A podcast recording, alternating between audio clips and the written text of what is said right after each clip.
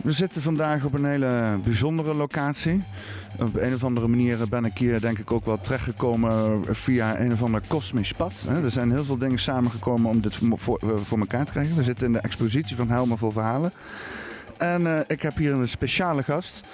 Uh, Def P, aka Pascal Gevoen. Eigenlijk zeg ik het andersom, hè? Pascal Gevoen, uh, aka Def P. Hoe jij het wil. hoe jij het ja. wil? Ja. Nou, dan is dit Poppenkast 71.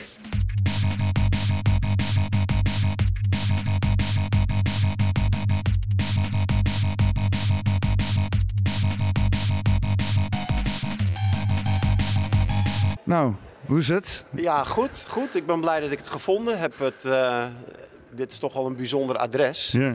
En dat uh, vond mijn TomTom ook al meteen. Die uh, weigerde dat te accepteren als adres.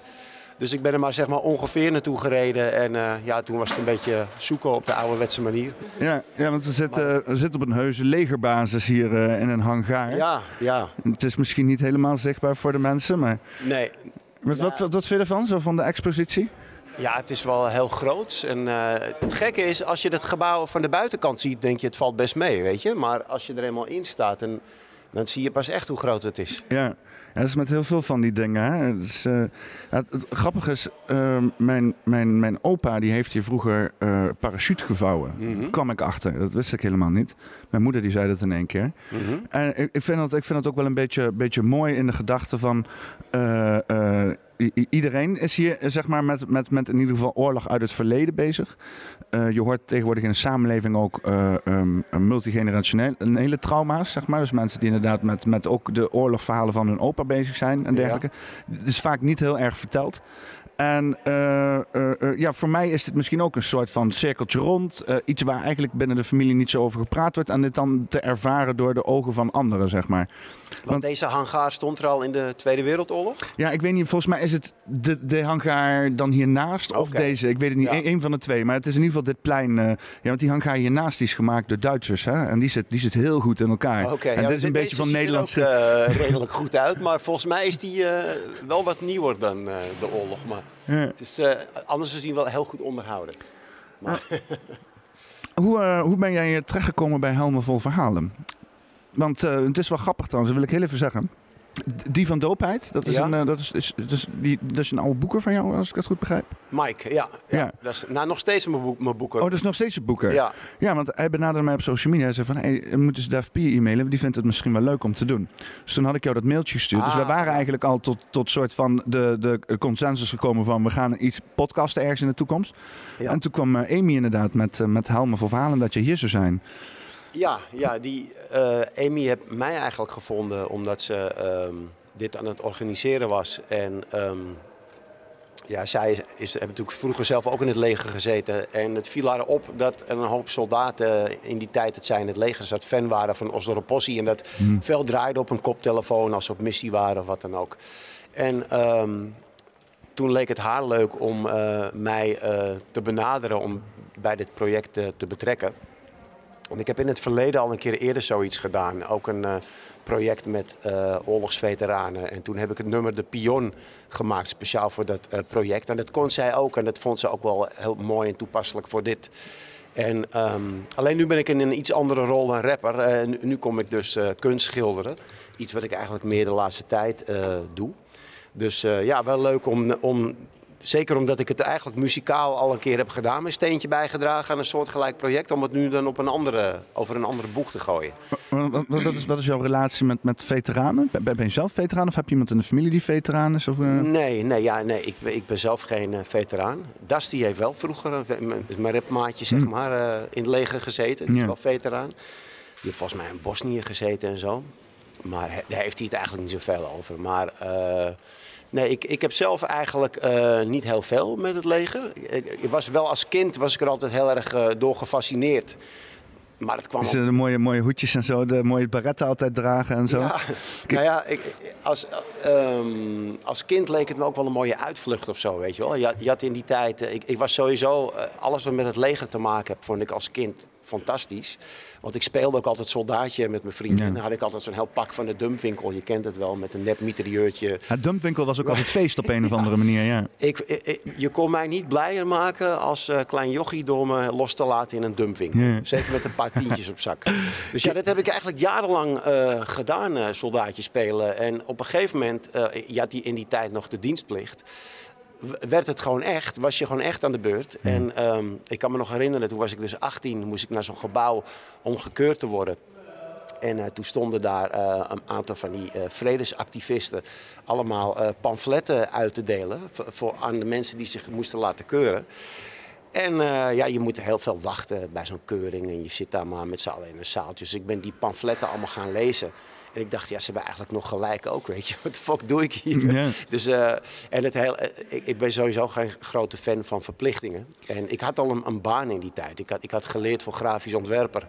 En ik was zowaar aan een baantje gekomen als grafisch ontwerper. En ja, eh, of nee, nee, nee, ik, ik vertel het verkeerd. Ik, ik had uitzicht op een baantje en ik moest gaan solliciteren. En ik dacht van ja, als er één ding is die een, een nieuwe werkgever van je wil weten als een jongen van 18, is Nee. moet, moet je nog het leger in. Want ze gaan natuurlijk niet iemand inwerken die het leger in moet. Dus en toen, en, en zeg, zeg maar die gedachtegang van ja, ik kon nu eindelijk meteen gaan werken en met geld verdienen. En ik had al mijn eigen huis, dus die hele dat romantische vluchtidee wat ik als kind had van ga je met het leger, ga je naar verre landen of wat dan ook. Is ook, niet over, eh, is ook nog niet voor te stellen dat je op dat, die leeftijd al een huis hebt. Nee, dat was ook meer eh, eh, een, een samenloop van omstandigheden.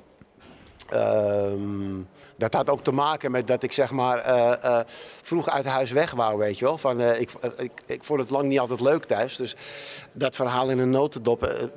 alles bij elkaar zorgde ervoor dat ik dus vrij snel tijdens mijn examenjaar al een eigen woning had. En dus ook gewoon geld nodig had om mijn huur te betalen. Ja. En het werd eigenlijk steeds minder aantrekkelijk op die manier om het leger in te gaan. Dus toen zat ik zo die pamfletten te lezen en toen dacht ik, ja, what the fuck man, dan moet ik straks het leger in. Dus eh, met een, eh, een of ander slim smoesje heb ik me daar uit weten te manoeuvreren. en, Ik heb een hernia. nee, nee, nee ik, ik, ik heb op een gegeven moment eh, na die keuring. Ik had natuurlijk heel veel vrienden van dezelfde leeftijd, van school en zo. Dus ik wist van mijn vrienden, die, die hadden op een gegeven moment allemaal bericht gehad van het leger. of ze goed of fout waren gekeurd. Ja. En ik niet. Dus er was administratief iets misgegaan eh, bij mij. En toen dacht ik van, daar kan ik volgens mij wel eh, gebruik van maken. Of, of misbruik, het is maar hoe je het ziet. Heb ik een keurig briefje opgesteld van, eh, ik ben die en die datum afgekeurd. En helaas heb ik daar nooit een officiële bevestiging van ontvangen. En die kreeg ik even later keurig opgestuurd. Een, eh, een bevestiging van, van afkeuring voor onbepaalde tijd. Ja, maar dat is, kijk, zo, Dus- zo werkt het systeem. Hè? Dat, is, je, dat zijn vinkjes op papier. Precies, En als je daarmee ja. weet te spelen, dan, eh, dan is dat de realiteit schijnbaar. Precies, het stelt allemaal niet zoveel voor. Als je maar even in dat systeem een klein stukje kan meedenken, dan kom je er ook wel onderuit. Ja. Ehm, dus je, je, hebt het, je hebt het leger rondlopen. Ja, zo, zo zou je het wel kunnen zeggen, ja. En eh, eh, eh, eh, hoe, eh, ben je al gekoppeld? Was je al gekoppeld aan een veteraan inmiddels of zo? Had je iets eh, gedaan? Of, eh?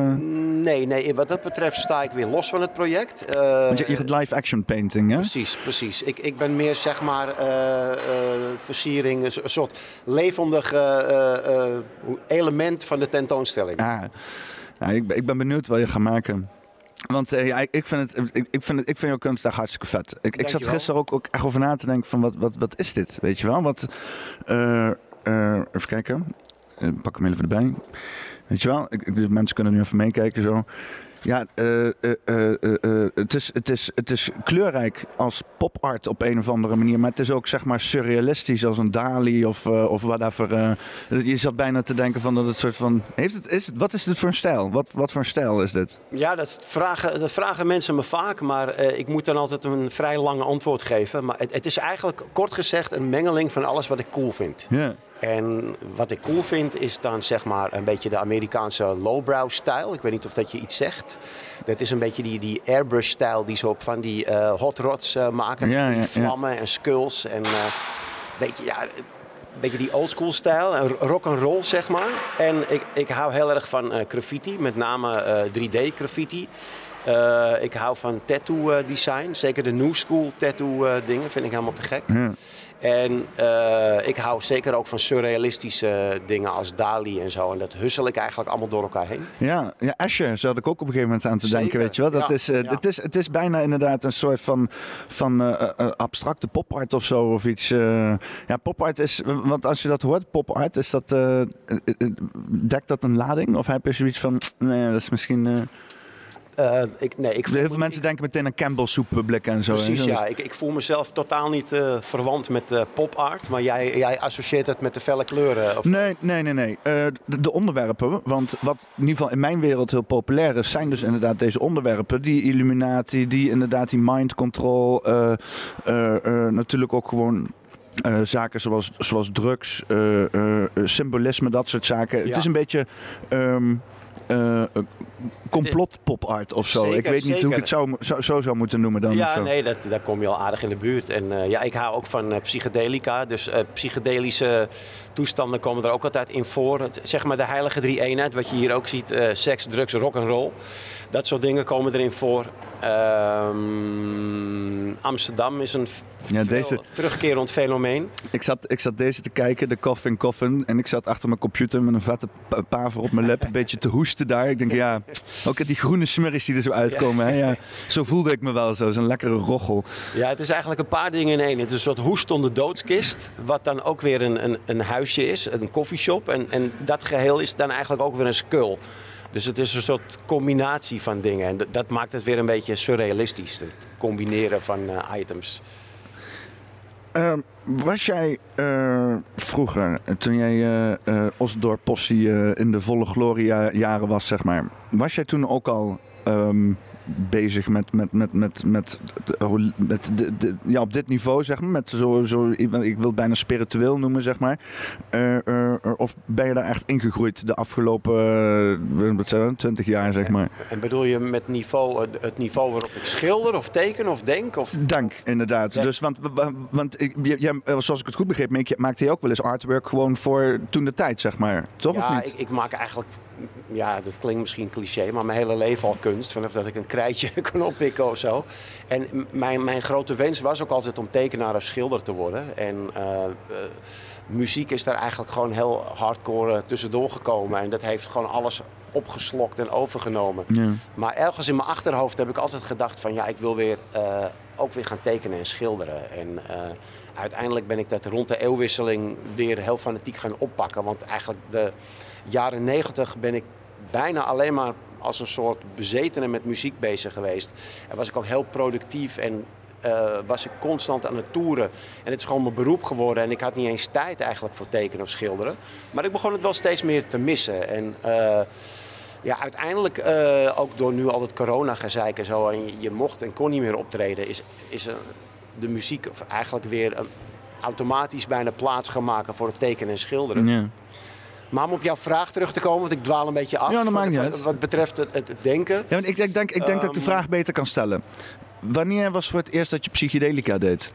Um, het is maar net wat je psychedelica noemt. LSD of uh, truffels of paddo's. Ja, of, maar uh, zeg maar met het liefst iets natuurlijk, zeg maar. Hoe minder synthetisch ja, okay. beter. Maar wat was het eerste, zeg maar? Eerste keer dat je echt dacht van, oké, okay, dit is strippen. Um, nou, maar eerst, de eerste paar keer dat ik uh, jointjes rookte, was meteen al een vrij heftige ervaring. Dat ik dacht van, wow, wat gebeurt er nu? Maar dat is ook omdat je lichaam kent het nog niet, het verschijnsel. Dus, en je weet ook niet hoe je je moet schrap zetten of wat je moet verwachten. Hoe, dus, hoe oud was je toen je dat deed? Uh, 14, 15 oh, begon ik uh, oh. met blowen. En, en op een gegeven moment wen je daar ook wel een beetje aan. En dan kan je het makkelijker doseren en zo. Maar even kijken, uh, de eerste keer dat ik paddo's deed, dat was op Pinkpop. En, en, en uh, dan moest ik er zelfs nog optreden. Of dat was daarna. Maar kun je nagaan hoe ik het nog onderschatte. Het was, uh, kijk, het was, even kijken, welk jaar was dat? Volgens mij 94. Ah. Um, toen, toen had je dus gewoon op het Pinkpop terrein een steentje met paddenstoelen. En dat was gewoon vrij verkrijgbaar. Een, een stand? Een stand. Oh, dat meen je niet. Dat was nog een, een redelijk uh, nieuw fenomeen, ook op festivals. Uh, en, en, daarom dacht ik ook van, het is iets heel onschuldigs, weet je wel. Want je kan het gewoon op het festivalterrein halen. Dus hoe, hoe, hoe sterk kan het wezen? Ja. Nou, dat heb ik dus geweten. Want ik heb er, uh, volgens mij heb ik meteen twee porties op lopen kanen en, en, en, en ben gewoon gaan, gaan rondlopen. En op een gegeven moment, ik weet nog dat... Zonder uitleg, gaven ze geen uitleg? Zo van Helemaal dit niks. Het was gewoon eh, alsof je zeg maar een, een patatje of een frikandelletje koopt, maar dan een, een doosje paddo's, weet je wel. Dat is hooglijk onverantwoordelijk Ja, inderdaad. man. het, het was ook vrij bizar hoor. En kijk, ik, ik liep daar op het terrein. En ehm, het, je had zeg maar vroeger altijd het, hoofdpodium. En daarachter had je dan het Rock in Colonia podium. En daar, daar liep ik. En Skunk en Nancy was daar eh, bezig. En op de een of andere manier... Ik keek van een afstandje naar Skunk en Nancy. En ik zag ineens de, muziek gewoon zichtbaar worden. En dat kwam als een soort eh golvende licht, eh, vloeiende lichtbanen kwam dat uit de speakers. En dat voelde ik helemaal door me heen gaan en zo. En ik dacht, wat gebeurt er nou man? En het werd alleen maar steeds gekker en gekker. Een gegeven moment had ik ook het idee, eh, er liep ook een een of andere dronken mafkees rond met een, een Osdorp-vlag. en, die, en waar ik heen ging, ging, ging hij ook. Dus ik had gegeven het ook het, het idee dat hij me achtervolgde en zo. Het werd allemaal steeds weerder om daar zeg maar trippend over het Pinkpopterrein eh, te lopen. Eh, nog losgezien van het feit dat ik toen al aardig eh, een bekend hoofd had. Omdat ik op al die magazines stond met elkaar. Dus Ja, die, ja. eh, weet je, oren en hitkranten, weet ik het allemaal. Je had al wat videoclips achter de rug. Precies, dus mensen die herkenden mij ook. En het werd een hele surrealistische ervaring. Dus op een gegeven moment dacht ik van, ik moet gewoon weg van dit terrein. En ik had natuurlijk backstage bandjes en zo. Dus ik ben weer naar de backstage gegaan. En toen kwam daar een vrouw en die wou mij interviewen. En het werd echt het raarste interview ever. Want ik ben daar gewoon gaan zitten. En tijdens dat gesprek begon die paddo er steeds heftiger in te kicken. En gegeven kon ik alleen nog maar lachen om alles wat ze zei. En die vrouw werd steeds geïrriteerder. Want zij vond dat ze hele serieuze vragen stelde. Oh, die voelde zich niet serieus genomen. hey, weet je wat je goed kan gebruiken bij je trip? Pers. Ja, Oh, ik, ik denk ook niet dat zij eh, echt iets gedaan nog heeft met het interview. Nee, Dus ja, ik wou net eh, zeggen, is dat nog ergens te vinden? Dat zou geniaal zijn. Volgens mij, het was van een krant of zo. En volgens mij is ze gewoon boos weggelopen uit. Ah. Ik- ik- er kwam ook iemand langs met zo'n Ernie en Bert eh, ballon. En dat vond ik allemaal veel interessanter dan Eh, de vragen die ze stelde. Hey, Ernie en Bert, weet je. Ik, was helemaal op mijn eigen planeet gewoon. Eh, maar dus uiteindelijk niet een hele slechte ervaring gehad. Misschien intens, maar want ik vind sowieso eh psychedelica vind ik niet per se komt het is niet zo van oh, oh even lekker ontspannen psychedelica nemen. Het is altijd een soort van toch wel een therapeutische bedoeling zeg maar. Ja, als je, als je er goed mee omgaat, wel ja. En, kijk, mijn eerste keer was echt puur recreatief. En, en ook heb, dat, ik heb het echt wel onderschat. Maar na die eerste keer wist ik natuurlijk wel waar ik aan begon. En ja, ben ik er ook wat meer over gaan lezen en zo. En toen heb ik, ben ik het wel bewuster gaan gebruiken. En dan kan het inderdaad een soort, eh, ja, eh, een, een les zijn of een spiritual healing of hoe je het ook zien wil. Weet je, wel. Je, je kan het zo groot of klein maken als je wil, maar het, het doet wel iets met je. Ja. Dat kan je niet ontkennen, zeg maar. Ja. Ja, ik, ik zie het altijd dat je een soort van eh, eh, in je brein eh zie je op een gegeven moment zo lang bezig met dingetjes en ideeën, dingen waar je waarde aan hecht, verbindingen die misschien niet nodig zijn, maar er toch liggen, die dan vervolgens andere verbindingen weer blokkeren. En met trippen dan flush je dat helemaal open, zeg maar. Dus daarom heb je ook zo'n waanzinnige trip soort van, om- omdat je verbindingen maakt die helemaal nergens op slaan. En dan als je, uit- daar, daar hoef je ook verder niks mee. Ik heb, het- je tript, je ziet gewoon dingen en dan eh, eh, op het moment dan ben je uitgetript, gaan al die verbindingen weer heel rustig dicht, zeg maar. Maar in de loop van, eh, weet ik veel, eh, een- week of misschien zelfs een maand. En als je daar dus open voor staat, in ieder geval zo gebruik ik het, om dus echt weer nieuwe dingen op te pakken, ideeën, sommige dingen af te sluiten. Dat is een beetje hoe ik, hoe ik het gebruikte, vooral van, tijdens mijn studie en zo. Oké. Eén keer in de maand gewoon even truffels doen, even al die eh, bagage zeg maar even lozen. Maar het is grappig dat je, wat je net zegt maar over die verbindingen, maar die, die blijven dus. Hè? Jij zegt ze gaan weer dicht, maar zo'n verbinding blijft gewoon. Ja, Dus ja maar als je- als je er echt aandacht. In ieder geval, ik, ik, heb, Ja. ik heb wel het idee dat. Want je, ik heb het idee van als. eh, eh, eh, dat met de trip alle verbindingen openstaan. Ja? En naarmate de trip minder wordt, dat ze dus inderdaad. Want het is niet de bedoeling dat je constant tript, zeg maar. Dat is niet nee, heel nee, productief. Er worden zeg maar nieuwe verbindingen aangemaakt en, en je ontdekt ook dingen, je ziet dingen, je hoort dingen. En in, vaak denk je ook dat je dingen hoort die er niet zijn. Maar het mooie is dat ik, ik ben er ook op een gegeven moment achter gekomen dat ik bepaalde dingen hoorde in eh, platen en zo. Ja. Die ik nog nooit. Het plaat, ik, vond hem, ik had een CD van Monster Magnet. Nou, die had ik al, weet ik wel. eh, twintig keer gedraaid of zo. En ineens hoorde ik allemaal hele rare geluiden in, in, in een bepaald nummer. Die ik nog nooit eerder had gehoord. En ik denk, wow, ik ben nu echt zo vet aan het trippen gewoon. Maar toen ik dus eh Heb je die later... geluiden nog teruggehoord Ja, ooit? die, die eh? zaten er gewoon in, maar die vielen helemaal niet op. Die Ah. waren heel zachtjes in de mix, helemaal weggestopt in een soort eh, achterkanaaltje. Maar die zaten er wel degelijk in. En ehm, ook dingen die bijvoorbeeld licht gaven.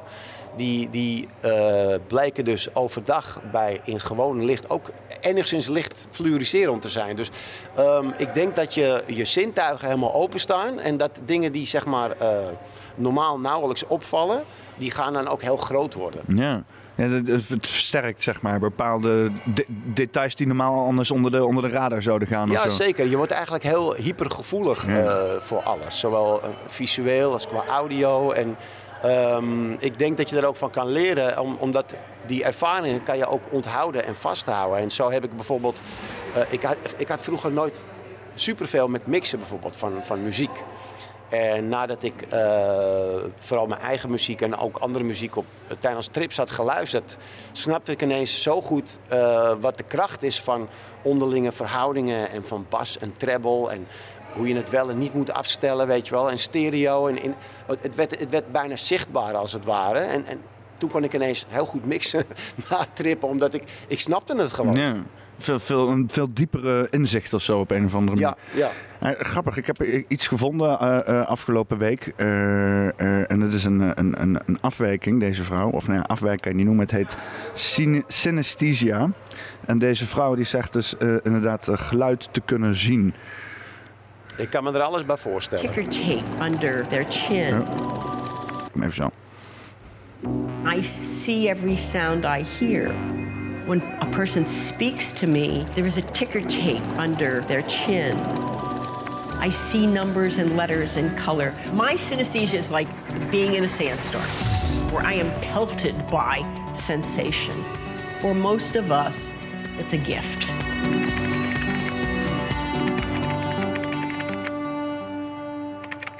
Ja, dus, dus dit is dus gewoon een, een, een vrouw die heeft dus inderdaad een, een af... Of ja, ik weet niet precies, een medische afwijking. Hè? Ja, ja. Het is geen aandoening. Nee. Maar uh, uh, zij ziet ze dus... Ze lijkt er heel blij mee. Ja, ja ze zei ook van ik luister het liefst uh, jazz en, en dancemuziek. Zeg maar, oud, ja, oud vrouwtje die zit helemaal los te gaan.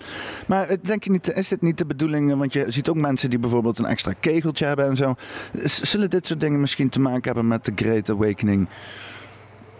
Nou ja, ik, ik, ik, denk dat het misschien wel uh, kwaliteiten zijn die iedereen zou moeten kunnen, maar die gewoon door ons dagelijks leven zo worden afgeleerd en afgestompt. En uh, denk alleen al aan alle soorten gif die wij binnenkrijgen, als fluoride in water en al die shit en, en, en. En dat schijnt dus ook je pineal gland, uh, je pijnappelklier af te stompen, waardoor je gewoon minder spiritueel bent, minder open staat voor dat soort dingen. Maar um, op de een of andere manier paddo's of zo, dat geeft dan weer een soort, soort reset in je brein. Dat je ineens weer wel voor dat soort dingen kan openstaan. En volgens mij um, zijn het gewoon bepaalde skills die wij uh, ontleerd zijn. Ja. En, zijn we ze echt kwijtgeraakt? Of, of is het... Ja. ja, misschien omdat we denken ze niet nodig te hebben. Maar uh, sinds ik zeg maar... Uh, bijna visueel ook op, op muziek heb lopen trippen, ben ik het wel beter gaan begrijpen eigenlijk. Wat, wat klanken zijn en doen, uh, ook met je belevingswereld. Ja.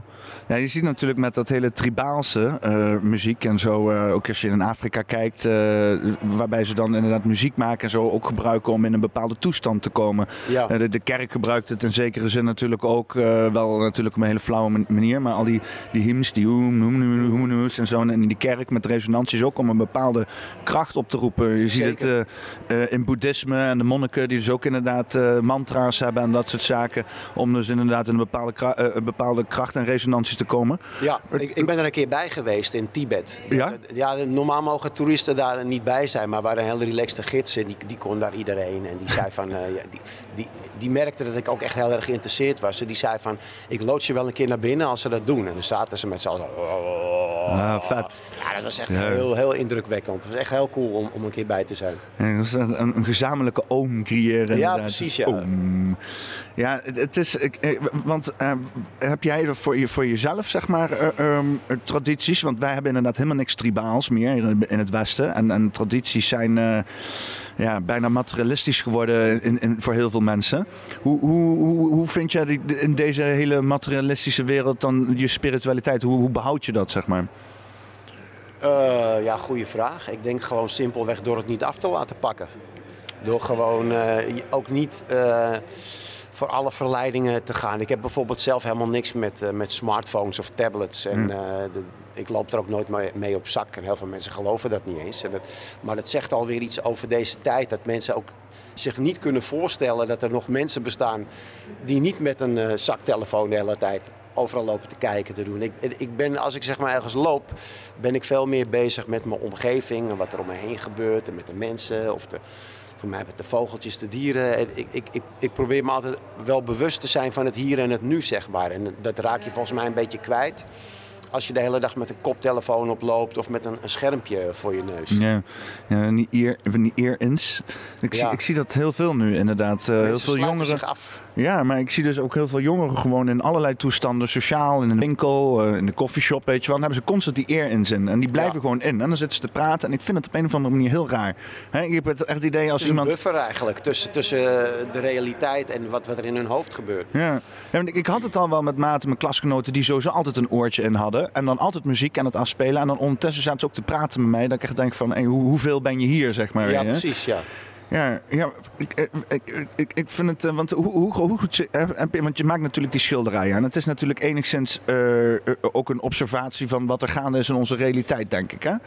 Ja, en de realiteit is natuurlijk heel discutabel. We, we- we leven, zoals Karel van Wolfer het altijd heel mooi zegt, in een, in een eh, gecreëerde werkelijkheid. Of een soort opgelegde realiteit waarvan wij moeten geloven dat dat hem is. Maar hoe meer je erin verdiept, hoe minder het zo blijkt te zijn eigenlijk. En eh, Leggen wij die realiteit onszelf op of wordt die ons geforceerd? die wordt dus zeker geforceerd. Door wie? Eh, door media vooral. En die doen daar natuurlijk ook weer onder druk van. Maar is, is dat zeg maar eh, is dat een, een, een systeem, een systematisch iets? Of heb je echt het idee dat er een, eh, een, een kwaadwillend clubje mensen de boel flink zand in de motor loopt te gooien? Nou, dat idee heb ik niet, dat weet ik zeker. Jij weet zeker, je bent er 100% van. 100% zeker, ja. En kan je ze aanwijzen of is het zeg maar... farmaceutische industrie bijvoorbeeld, die heeft gewoon de media in, in de pocket zitten en die, en die bepaalt dat wij bang moeten zijn voor corona en een spuitje moeten halen. Dat is denk ik het meest mooie en krachtige en actuele voorbeeld wat je kan geven in hoe je wordt gemanipuleerd. Ja. Want als je erin gaat verdiepen, heb je al die rotzooi niet nodig. Het is allemaal gewoon gelul. Het stomme is dat het wel echt heel goed werkt. Hè? Ze doen het echt heel goed. De propaganda werkt wel. Ja. Ja, ja, ja. want de eerste keer dat ik het hoorde, dacht ik ook echt van ja. Ja, en dan meteen van die zweren erbij. Dat ik denk, godverdomme. Als jij Maar- maar- hypochonder bent, dan, dan sta je nu meteen op de kop. eh. Ja, maar dan kom je weer een beetje terug op wat we, waar we het net over hadden. Omdat mensen zo afgesloten zijn, niet meer een open geest hebben en zo in hun eigen wereldje en alleen maar geloven wat ze ge- gevoerd krijgen via de media en niks meer zelf onderzoeken, kan je ze ook alles wijsmaken. Ja. Nou ja, want ik, ik, we worden nu geregeerd door angst. Maatschappij, hè? mensen zijn Zeker, angst, eh, angst zeker. om hun geld te verliezen, angst om een eh, dak boven het hoofd te verliezen, angst om niet te kunnen eten. Hè? We horen de laatste tijd ook heel veel, ja, maar als er geen eten is, weet je wel. En eh, ik moet eerlijk zeggen, soms af en toe spookt het ook wel eens in mijn hoofd. Hè? Zo van, ja, lekker makkelijk, maar als de supermarkten niet meer open gaan, dan is het ook... maar ik denk ook van, we hebben hier alles in Nederland. We hebben alles. We hebben vruchtbare grond. We hebben eh, eh, elkaar, enorm veel mensen, slimme mensen die van alles kunnen. We hebben materialen, middelen. eh, we hebben het, het, het, geld als het moet. Dan creëren we het geld hier. Dat hebben we al eerder gedaan. Dus waarom zou dat niet nog een keer kunnen? Maar we worden dus constant in de waan gehouden hè, door van, van, van, van oh, maar alles staat op instort. Hè. Als, als, als er straks heel even iets gebeurt, dan, dan, dan klapt de hele zooi eruit en dan worden we allemaal barbaren en dan gaan we elkaar allemaal afslachten. Dat is zeg maar Nou dat, dat beeld wat gecreëerd wordt. Dat is hoe die, deze samenleving omhoog wordt gehouden. Krijg ik een beetje het idee. Ja. Is dat, voel je dat ook zo? Of, of heb je ook zoiets van dat... dat, dat, dat of, of eh, geloof jij ook echt zeg maar, dat het allemaal aan een draadje in elkaar zit? Eh, ja, dat zijn een hoop hypotheses allemaal bij elkaar. Maar ik, Ultra-hypothese. Ik denk wel eh, dat je je zal verbazen dat op het moment dat mensen zeg maar echt honger gaan lijden en, en dorst gaan lijden, hoe snel de be- beschaving in elkaar stort. Hoe, hoe, hoe snel mensen ook bereid zijn om te vechten voor hun eten of hun drinken of hun familie of whatsoever, weet je wel.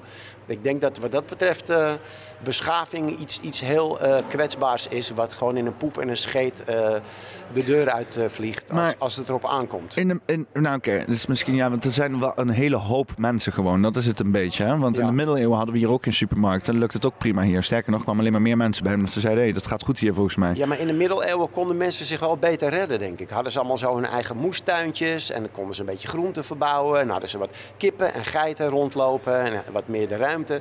En nu woont iedereen eigenlijk, eh, of iedereen, de meeste mensen in grote steden. En zijn ze compleet afhankelijk van eh, supermarkten en dat soort winkels om aan hun eten te komen. En als die toevoer stopt, ja, dan heb je een probleem. Dan slaat zo'n hele stad op hol natuurlijk. Ja. Ja, het is, het is natuurlijk ook wel een beetje een, een, een val, een gevangenis waar we in zitten, zeg maar. Waar, waar, waar je niet, want je hebt dan zo'n mensen die dan eh, naar het buitenland gaan, naar Portugal, en die Mhm. zeggen van hup, eh, ik laat alles achter. Ja. En, eh, en dat is ook mooi. Hè? Moet je ook, Ik hard, ze, moet, ja, ik- moet je ook hard werken, ik maar dan maak je tenminste iets voor jezelf. Maar, Ja, in ieder geval heb je dan, zeg maar, als de hele teringzooi instort, nog je eigen moestuintje en je eigen waterput. Ja. Want dat zijn vaak de, de basic essentials waar mensen dan voor gaan. Weet je wel, eh, water, groente en een, eh, een vette gun achter de deur, misschien voor bescherming. En dan kan je een heel eind komen natuurlijk. Maar oké, dus eh, jij leeft, mag ik het dan wel aannemen, in een, in een, realiteit waar jij zegt van dit kan allemaal zo weg zijn. Hoe, hoe Ehm. zorg je dat je niet angstig bent dan? Ik ben eigenlijk totaal niet angstig aangelegd. Ik, ehm, ja, ik ben gewoon sowieso een beetje van go with the flow. Ik, eh, kijk, ik, ik, ik zit ehm, wel in een soort kring van mensen die zeg maar ook wel doorhebben wat er gebeurt. En een, een aantal daarvan zijn inderdaad al eh, gevlucht tussen aanhalingstekens naar eh, Portugal of Spanje om daar een soort van enclaves te bouwen met inderdaad moestuintjes, Oh, waterputten. je zijn communities aan het Ja, bouwen ja daar. ik, ik ken dat soort mensen. En aan de ene kant denk ik van ja, ik snap ze. Ehm, maar aan de andere kant denk ik van ja, je, je bent daar nog steeds onderdeel van de Europese Unie. En als, eh, als we allemaal straks een verplicht spuitje moeten, moet, moet je het ook daar. En misschien iets later dan hier in de stad. Maar eh, al, al die shitzooi met al die kutregeltjes en, en die aangeprate angst, dat, ja, dat, dat blijft toch wel even voortmodderen. Daar zijn we nog niet vanaf. En eh, het laatste is daar nog niet over gezegd. Maar ik, ik had meteen al met het corona ook redelijk in het begin door dat het allemaal bullshit was. En ik dacht van, eh, oké, hun game is dus om ons bang te maken, zodat ze ons een bepaalde kant op kunnen duwen. Ik denk als ik één ding niet ga laten doen, is het me bang maken. Want ik- ja, ik ben daar gewoon te nuchter voor. Ja. Ja, ja ik, ik, ik, ik, ik was wel heel even bang in het begin. Of ieder geval bang. Ik- Ik was huiverig, zeg maar. Ja. Ik was wel klaar om eh, een soort van zombie-apocalypse wereld in te stappen, zeg Ja. maar. Ja, bang. Wat is bang? Weet je, als je, als je, als je ze- zeker bent van jezelf dat je altijd wel iets kan maken of ergens iets van man kan maken of mensen kan verzamelen of whatever, dan, dan ja, nou, eh, heb ik zelf altijd meer vrede bij dan bijvoorbeeld, weet ik veel, een hele voorraadkast vol met blikken soep, zeg maar. En wc-papier niet te Ja, vergeten. ja, inderdaad, ja. ja. Ehm, eh, nou, ik, ik wil eigenlijk wel met jou eh, een, een, een, een, een complotje induiken. V- Vind, vind je dat leuk? Altijd leuk. Gek op complotten. Ja, ik, ik ben ook gek op complotten. Hè, Alleen, er- dus er blijven er zo weinig over. Hè? Want ze komen allemaal uit de laatste tijd. Ja, het, is, het, is, in het, het, het, begint bijna. eh, maar ik vind al heel lang eigenlijk de wereld van complot, complotten een realistischere blik op de wereld dan die zooi die we voorgeschoteld krijgen. Ja. Alsof we inderdaad met z'n allen eh, een utopia aan het bouwen zijn. Zo wordt dat ge- ge- gepresenteerd op het nieuws. Maar dat Terwijl die mensen al- alleen maar stoelpoten onder ons uit aan het zagen zijn. Maar dat is toch ook precies de reden waarom ze het complotten noemen? Om, om, om de mensen in, in, in de waan te laten dat het niet waar is. Ja. Ja, het is, het, wel, hij gelooft in complotten. Daar ga je. Hè? Dan ben je al niet meer welkom op de NOS. eh. ja, en in, in zekere zin is het... Maar oké, dus complot. Wat is jouw favoriete complot? Wat is, wat, is, wat is een complot waar je echt denkt van... Dat, is, dat, is, dat gaat me wel aan het hart. Daar praat ik het meest over bijvoorbeeld. Eh, nou, de laatste tijd corona natuurlijk, omdat het zo in your face is en het zoveel invloed heeft op je dagelijkse leven. En, en ja, de- maar het is niet mijn favoriete. Het, eh, ik ben eigenlijk van kinds af aan al gefascineerd door alles wat met aliens en UFO's ja. te maken heeft. Dus dat vind ik het meest fascinerend, het meest interessante. En daar heb ik ook eigenlijk wel, eh, nou ja, laat ik zo zeggen, ik ben, ik ben daar het langste mee bezig. En wat ik ook heel interessant vind, eh, zijn bijna doodervaringen, out-of-body experiences. Eh, hoe, heet het? Dat soort dingen, weet je wel. Gewoon, astroprojectie Ja, en zo. ja. En, eh, dat is me nog nooit gelukt hoor, behalve met, met heel veel paddo's op. Maar dat vind, ik, dat vind ik ook heel interessant. Ja. Ja, want eh, dus inderdaad ook. Kijk, ken je die documentaire van Steven Greer? De, de. Fifth. Eh, de Close Encounters of the, Of the Fifth Kind. Fourth, Fifth Kind. Ja. Ja. Heeft meerdere dingen gemaakt. Ja, maar dus, dus telepathisch eh, aliens oproepen in groepjes, zeg maar. Dat doen zij, ja. ja. Want, want dat, dat gebeurt in Nederland gebeurt dat ook. Hè? Heb je ook groepjes Ehm. mensen die dus inderdaad gaan mediteren samen om dus eh, aliens verschijnselen te krijgen. Ja. En dan heb je dus inderdaad heel vaak dat ze dan, eh, eh, dat er dus mensen dan aliens verschijnselen zien. En dan appen ze dus die mensen van, hey, zijn jullie weer bezig geweest? Ja, ja. Ik, ik, ik ken de verhalen en ik ken de beelden. En eh, ja, ik vind, het, ik vind het interessant, maar ik heb daar zelf nooit aan meegedaan of wat dan ook. Ik heb er wel een keer een liedje over gemaakt, maar die moet nog uitkomen. Lichtgevende bolletjes. Ah. maar het zijn ook meestal eh, lichtgevende bolletjes. Je, je hebt ook een hele ehm, bekende, en, of tenminste voor mij dan. eh, Er is een kerel geweest, die heette Jawe, die kwam uit Las Vegas. En die, die, ehm, die kon al 25 jaar die bolle, laat ik het maar bolletjes noemen, oproepen. Maar hij, hoorde, hij had ook stemmen in zijn hoofd. En ehm, die zeiden hem de hele tijd van dit is tussen jou en ons. Je moet het voor jezelf houden. En op een gegeven moment veranderde die boodschap. Toen zeiden ze van oké, de wereld is er nu klaar voor om eh, bekendgemaakt te worden dat wij bestaan. Dus je mag het nu eh, aan iedereen vertellen. Dus die kerel heb zeg maar de, de lokale televisie van Las Vegas of zo eh, gebeld. En die zegt van nou, ik ga nu voor jullie een ufo oproepen. En, toen, en hun, hun geloofden er geen reet van. Toen zeiden ze nou oké, wij kiezen de tijd en de plek. Hebben ze hem naar een open grasveld in een soort park laten komen. En hij ging zich daar een beetje concentreren. En er kwam verdomd ook echt een lichtgevende bol uit de lucht. En die- je zag die kerel ook van dat programma. Die wist niet wat hem overkwam. Die had echt zoiets van, wat de fuck is dit, weet je Ja, wel? dat kan me voorstellen, ja. En, en die, die man die zei ook van, eh, nou als jullie dit interessant vinden, ik kan het vaker doen, want ik doe dit al 25 jaar en ik kan ze gewoon eh, met mijn gedachten oproepen. En eh, ik, ik wil gewoon graag bewijzen dat het bestaat, dit fenomeen. En ehm, wat ik ervan begrepen heb, is dat die man niet heel veel later op mysterieuze wijze dood is gevonden in zijn flat. Dat heb je dan heel vaak met dit soort eh, toestanden, wat dan weer heel jammer is. Want, In, eh, inlichtingendiensten? geen idee. Of kwaadwillende aliens? Eh, ik denk Lizard eerder, people. eh, Men in Black-achtige Ja. figuren die zeggen van nou... maar ik, ik weet niet precies waaraan die man is doodgegaan. Maar het, het, is, het is wel altijd frappant dat dit soort mensen... die zeg maar wat meer weten en iets te vertellen hebben... op mysterieuze wijze doodgaan. Ja, want- maar, maar dat filmpje kan je gewoon opzoeken hè, van Jawe en... Hoe, hoe, hoe spel je zijn naam? Eh, J-A-H-W-E, als ik me niet vergis. oh, Jabba. En dan eh, aliens of zo? Eh, summoning, summoning UFO's heet het filmpje. En ik, ik, ik zag dat een keer. Ik, ik was gewoon, ik ben af en toe gewoon een beetje van, aan het surfen op YouTube en ik kwam dat tegen. En ik vond het zo mooi, die, die, die kop ook van die, van die eh, Is dat deze? zou kunnen. Dat is van Reuters. Nou, nee, dat, nee, dat is hem niet. Het is een zwarte man in een wit gewaad. Van Reuters moet je sowieso niks vertellen. Nee, dat is natuurlijk... eh, Bullshit, eh, factcheckers. dat zijn zes gewoon... eh, het zijn gewoon... Factfuckers zijn er. The man who sent shockwaves through UFO circles. Nee. Hmm, hmm. Ik zoek het wel een keer voor je op. Is toch niet... misschien... Misschien hebben ze het eraf gehaald hoor. Want eh, ja, ze, ze wilden het ook niet meer eh, op televisie hebben. Want die hoofdredacteur van het, eh, volgens mij was het ABC Nieuws die dat had uitgezonden. Die had ook gezegd van nou dat gaan we maar niet meer doen. Want het werd iets te serieus allemaal. Ze dachten van we gaan even de dorpsgek van Las Vegas voor lul zetten in een item. Maar hij stond dus helemaal niet voor lul. dit is het volgens mij, hè? Prophet Jawe, the man ja, with the ability. Ja, dit is het. Ja, dit moest ik dus inderdaad via Yandex zoeken. Hè? Google die biedt, biedt het niet meer aan. Nee. Nee, maar dit is dus gewoon li- eigenlijk gewoon live op televisie echt gebeurd. Die man zegt ik ga een UFO oproepen en hij doet het ook gewoon.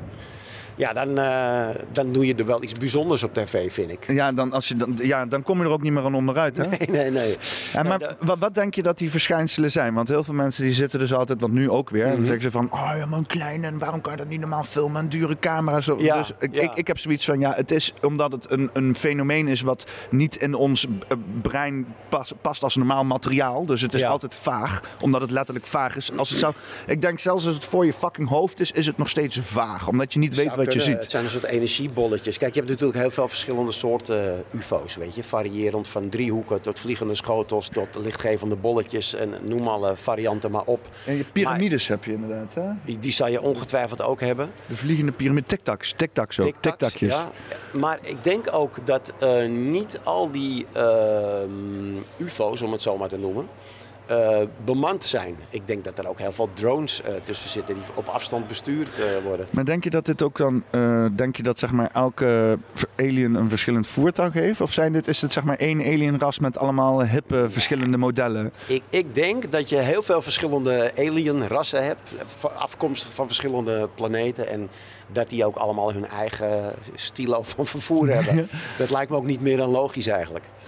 Ja, ja want het, het, is, ja, het is natuurlijk, maar ik heb sowieso het idee dat het geen voertuig is. Dat het gewoon een soort van eh, mechanisme is om door tijd en ruimte te rijden, hè? eh, de reizen. Dus zeg maar als een soort van, ja. Als een soort van natuurlijk- gateway of zo. Of, eh, en dat je dus dan zeg maar, eh, eh, dan kan je zeg maar vanuit een andere multiversum zou je dan eh, bepaalde interactie kunnen hebben met onze 3D-wereld. En ik, hun zien dat dan als een of andere multidimensionale, wat hun allemaal doen. En wij zitten dan naar zo'n bol te kijken, zo van, "Huh, is dat iets? Nee, het is een fenomeen uit de multidimensionale hoek. Dus je kan dat niet, het is niet iets wat je in een pan kan doen en opbakken, zeg maar. Nee, het is denk ik ook typisch menselijk om het eh, zo te benaderen dat je altijd van A naar B moet gaan. En dat er dan een soort rechte lijn tussen zit en dat je die hele lijn moet afgaan. Ik denk dat hun al zoveel verder eh, zijn dat het hele van A naar B is gewoon in één keer plop, weet je Het wel. is een beetje het verschil als tussen normale computers en quantumcomputers.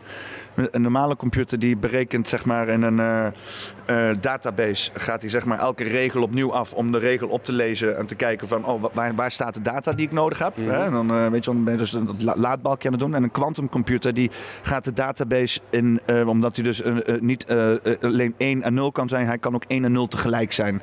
Dus hij kan in een staat van misschien zijn. Hè? Dat is wat quantum heel, ja, die, die- dat, dat is wat quantum heel goed doet. Die hoeft niet per se te zijn. We, we hebben altijd zoiets, oh, dat is iets. Maar in quantumwereld dan kan het misschien niet zijn. Op het moment dat je kijkt, dan staat het iets. Maar als je niet kijkt, dan kan het overal zijn. Dat is hoe quantumtechnologie werkt. Schrödinger's cat in de computer eigenlijk. Ja, ja, het is precies dat inderdaad.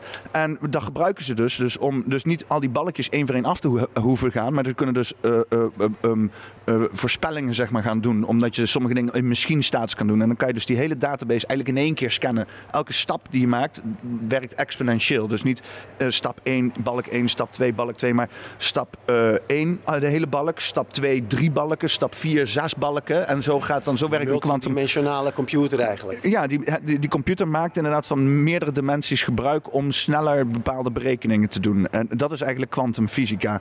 Maar dat is ook het precies legt bloot van wat ons denken verkeerd is. Zeg maar. wij, wij kunnen inderdaad, wat je zegt, alleen maar lineair denken naar, van een bepaald punt van A naar B. Wij kunnen niet eh, eh, eh, meenemen dat bijvoorbeeld alle tijd in één keer afspeelt. Hè? Jij bent op dit moment zowel aan het sterven als geboren. En je zit er gewoon ergens tussenin. Maar die Ja. realiteiten die spelen zich nu af. Je hebt er alleen geen toegang tot. Ja. Die wezens, die multidimensionale wezens, in mijn hoofd wel. Hè? Die zijn... Want, ja, want hoe, hoe wij tijd beleven is eigenlijk eendimensionaal. Ja. We kunnen maar één kant op zelfs. Zelfs binnen het eendimensionale kunnen we ook maar één kant en je op. kan het niet stoppen. Het gaat ook net door op het tempo. Dus in, in dat opzicht zijn wij heel primitief. Ja. Maar, maar als je dat weet eh, te buigen op wat voor manier dan ook, dan is afstand ook geen issue meer. Ja, maar alleen, hoe ga je, wij, struikelen alleen al de afgelopen 50 jaar over het concept tijd. Dan hoeven we nog niet eens de tijd reizen, maar we kunnen het niet eens in ons hoofd bolwerken hoe dat dan werkt. Als je teruggaat en verder gaat en hoe dat ingecorporeerd is met je eigen leven. Er zijn allemaal paradoxen waar we op terechtkomen als je gaat denken in tijdreizen. Hè? Als je dan teruggaat om jezelf te vermoorden, verdwijn je dan? Of eh, hoe, zit dat? Dat Om- soort om- dingen. omdat we het ook eh, heel geforceerd binnen onze menselijke logica willen bevatten, denk ik. We, we En- proberen het te begrijpen, dat is het hele Ja. probleem. En wat dat betreft is, is paddo's of ayahuasca ook zo mooi, omdat je het dan eigenlijk wel begrijpt. Alleen het lullig is dat mensen het vaak na afloop van de trip niet meer kunnen verwoorden. Ja. Je hebt een soort moment van, ah, ik snap het allemaal. Maar ja, probeer die gedachten dan vast te houden en op te schrijven. Ja, het is in zekere zin ook eh, het weten wat ons in de weg staat op een of andere manier. Hè? Al die wetenschappers die dan proberen weet, de wetenschappen. en, en maar weten en rekenen en proberen exact te maken. En het grap is, dan komen ze dus op die kwantumfysica uit. En dan zegt de kwantumfysica, nee, weet je wel, dat is, dat, dat, die, die natuurwetten die jullie voor jezelf hebben opgeschreven, dat geldt hier niet. Dus die wetenschappers weten het ook niet meer. Dus eigenlijk zijn we klaar met dingen weten. Lijkt het wel. En ik, ik, heb, ik heb voor mezelf, ik, dat, voor mezelf heb ik het toegepast. En ik denk, ik ben nu op een punt dat ik gewoon dingen moet gaan voelen. Uh, uh, ook op spiritueel niveau, niveau. Ik kan er eindeloos over na gaan denken. En hoe dat wel en niet. En hoe ik dat moet uh, praktisch voor mezelf moet, moet, moet, moet bolwerken in mijn hoofd. Maar da daar kom ik er niet mee. Ik moet het gaan voelen. Ik moet dingen vertrouwen, voelen. Zien hoe dingen uitpakken. hoe, hoe het op een of andere manier hoe je het ervaart. En dat heeft in mijn optiek helemaal niks te maken met denken. En ik denk dat dat met die aliens is ook zoiets. Weet je wel. Als, je dat, als we dat tot ons willen laten. Als we de Great Awakening in willen. Dan moeten we wat minder gaan denken volgens mij. Wat meer gaan voelen. Of anders denken. Ja, eh, wat is het? Wij, wij gebruiken geloof ik uh, 5, hooguit 10 procent van onze hersenen maar. Dus kun je nagaan als je dat volop kan benutten.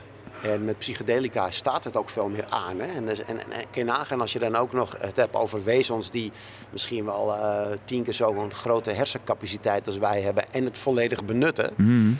In hoe schril contrast wat wij kunnen bevatten staat met wat zij kunnen bevatten.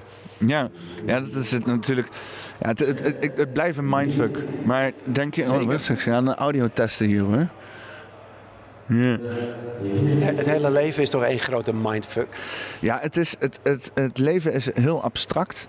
Uh, uh, uh, maar je kan het heel praktisch voor jezelf maken. Zeker, zeker. Je kan het, heel... het, het mooie is ook van kunstenaar zijn dat je juist al die wat normale mensen ervaren als vaagheden, weet je wel. Van, heel veel mensen hebben ook helemaal geen zin om zich in dat soort shit te verdiepen. Want die zijn veel te druk bezig met, kan ik mijn huur betalen? Heb ik brood op de plank? Uh, is mijn sociale leven nog goed?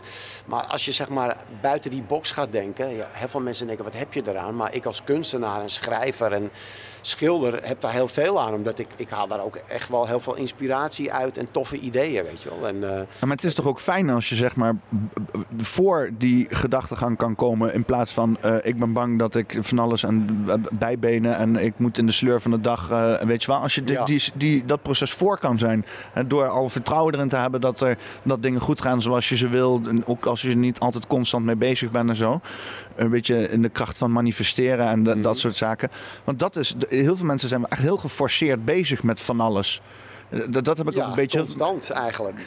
Proberen dingen voor elkaar te krijgen en maar, en maar bijbenen en zo. Ja. Is het niet. Uh, zou het niet gewoon beter zijn als, als mensen ook gewoon, gewoon wat meer vertrouwen hebben? Hè? Want uh, mensen, de betekenis is weg. Hè? Mensen zijn allemaal atheïstisch tegenwoordig hier in Nederland, zeggen ze dan. En dan, dan, dan, dan geloven ze niks meer of zo. Hè? Ze hebben zoiets van, nou, dit, zijn, dit, is, dit is mijn huis, dit is mijn rekening. Ik heb mijn uh, natje en mijn droogje. Nou, het leven zit in elkaar, dan ben ik er. En dan toch is nog iedereen depressief en gestrest en niet vervuld. En dan kom je volgens mij toch om een stukje... Hè, je moet ergens iets van spirituele vervulling halen. Hè? Op een of andere manier. Ja. Het hoeft niet super zweverig te zijn. Nee, maar ook, ook zeg maar om in de term van A naar B... Uh, te blijven. Van het leven is natuurlijk ook meer dan van A naar B gaan. Als A geboorte is en B sterven, hmm. ja, dan kan je wel die, die lineaire lijn proberen zo comfortabel mogelijk af te leggen. Maar je kan ook denken van het, het, het, is een reis, het is een les en ik wil onderweg zoveel mogelijk leren en snappen. En, en uh, dan krijgt het, het, het, begrip nuttig doen ook een andere invulling. Ja, Weet je, iets nuttigs doen. Ben je graag comfortabel? Um, niet als het me verveelt. Weet je, als ik bijvoorbeeld um, nu een contract kon tekenen dat ik uh, de rest van mijn leven een of ander saai kutbaantje doe, wat genoeg uh, brood op de plank geeft en een dak boven mijn hoofd, dan zou ik dat niet tekenen, omdat je, daar word ik niet gelukkig van. Ik, ik, vind een beetje risico, uh, dat mag er best bij. En gewoon wel zien waar het schip strandt, weet je wel. En gewoon en in nieuwe avonturen duiken, dat uh, heeft mij altijd wel heel erg aangesproken. Uh, heb, heb, heb, je wel eens gewerkt voor een werkgever? Uh. Nou ja, in mijn jonge jaren heb ik natuurlijk wel allerlei kutbandjes gedaan via uitzendbureaus en zo. En, wat ik daar vooral heb geleerd is dat dit niet mijn manier van leven zou moeten zijn. Wat was je laatste kutbaantje? Ben ik wel benieuwd naar. Even denken hoor. Ja, ik vond eigenlijk bijna alle baantjes kut. Maar, uh, Daarom zeg ik ook de laatste. Je, je bedoelt voordat ik grafisch vormgever werd? Uh, ja, volgens mij heb ik uh, bij Sigma Coatings verfpotten leeggeschraapt. Van die hele grote blikken die van de, letterlijk van de vrachtwagen waren gevallen. Ah. Die, die, lopen dan een deuk op en die kunnen ze niet meer verkopen. maar qua milieuoverwegingen en shit moesten die, die, die bussen moesten over worden gegoten in nieuwe bussen. Oh, ja, en ook ja. met rakels leeg. Maar die mensen die daar werkten, die waren al zo breindood. Dat als ze dan smiddags gingen lunchen, wasten ze hun handen niet eens. Zaten ze met die verfjatten gewoon die witte boterhammen te pakken. En je zag gewoon die groene afdrukken van die verf op die witte boterham. En ze roerden hun koffie met roestige schroevendraaiers en zo. Het waren gewoon een soort zombies die daar werkten. En toen dacht ik echt van, nou, nou, nou als dit de, je Die mensen die proberen zo snel leven, mogelijk in een kist te liggen of zo. Dan leek het wel op jou. Ja. Ik dacht ook van, nou, dan ben je gewoon gek man als je hier blijft werken. Of je wordt het en dat bleek dus ook wel. Werkte daar dan ook iemand die dan zo zegt van... Ja, ik werk al 25 jaar. Ja, die mensen bestaan. Ik, die kunnen nog steeds. Ik heb een tijdje bij Medipoint gewerkt en, uh, en uh, ook een paar trotselingen. Hè. Ja, werk ik al 25 jaar ik in het vak. Weet je wel, Ja. een beetje met, met, met beddenzeulen en vrachtwagens. Uh, denk ook, denk van ja, dan, ik, ik, ik kreeg dan meteen een zenuwinzinking Ja. hoor. Dat ik denk, ik moet hier weg. Ja, en ik, ik kijk echt niet neer hoor op mensen die simpel werk doen. Nee, ja, ik, ik, ik kan het gewoon niet, maar, Nee, maar ik sommige kijk- mensen kunnen het gewoon. Ja, ik, ik zoek altijd overal een uitdaging in. Bijvoorbeeld, ik, ik heb bij het Onze Lieve Vrouwengasthuis in Amsterdam, een ziekenhuis, ben ik ooit eh, aangenomen met een uitzendbaantje als eh, bedden. Ja, hoe noem je zo iemand? Bedden wassen, bedden ontsmetten. Moest ik dus door het hele ziekenhuis, eh, en bij alle afdelingen, bedden ophalen waar mensen in hadden gelegen. En die moest je dan beneden in een soort kelder, moest je al Maar het... Dat, eh, dat deden we bij Medipoint ook. Ja. Hadden we ook een reinigings... eh, en dan moest je de stront van de bedden afspuiten en zo. Nee, nee, het was gewoon de dekens eraf halen. Dat ging dan in alle grote waszakken. En die bedden moesten door een soort wastunneltje, ontsmettings... Maar dat, was eigenlijk, dat is zeg maar een uurtje leuk. En dan wordt het dan een soort saaie lopende band ding.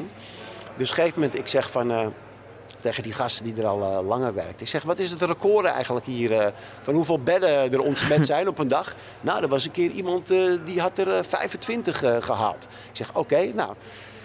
De Binnen- 26. Binnen, binnen twee dagen zat ik op eh, 45, weet je. Oh, ik, ik, ik, ik maak gewoon een sport van. Maar hun vonden het helemaal niet leuk. Want doordat Oh, ja, dan ik zo ze in één keer fana- hard werken. Precies, ja, doordat ik zo fanatiek was, werd dus duidelijk hoe, hoe fucking traag we waren.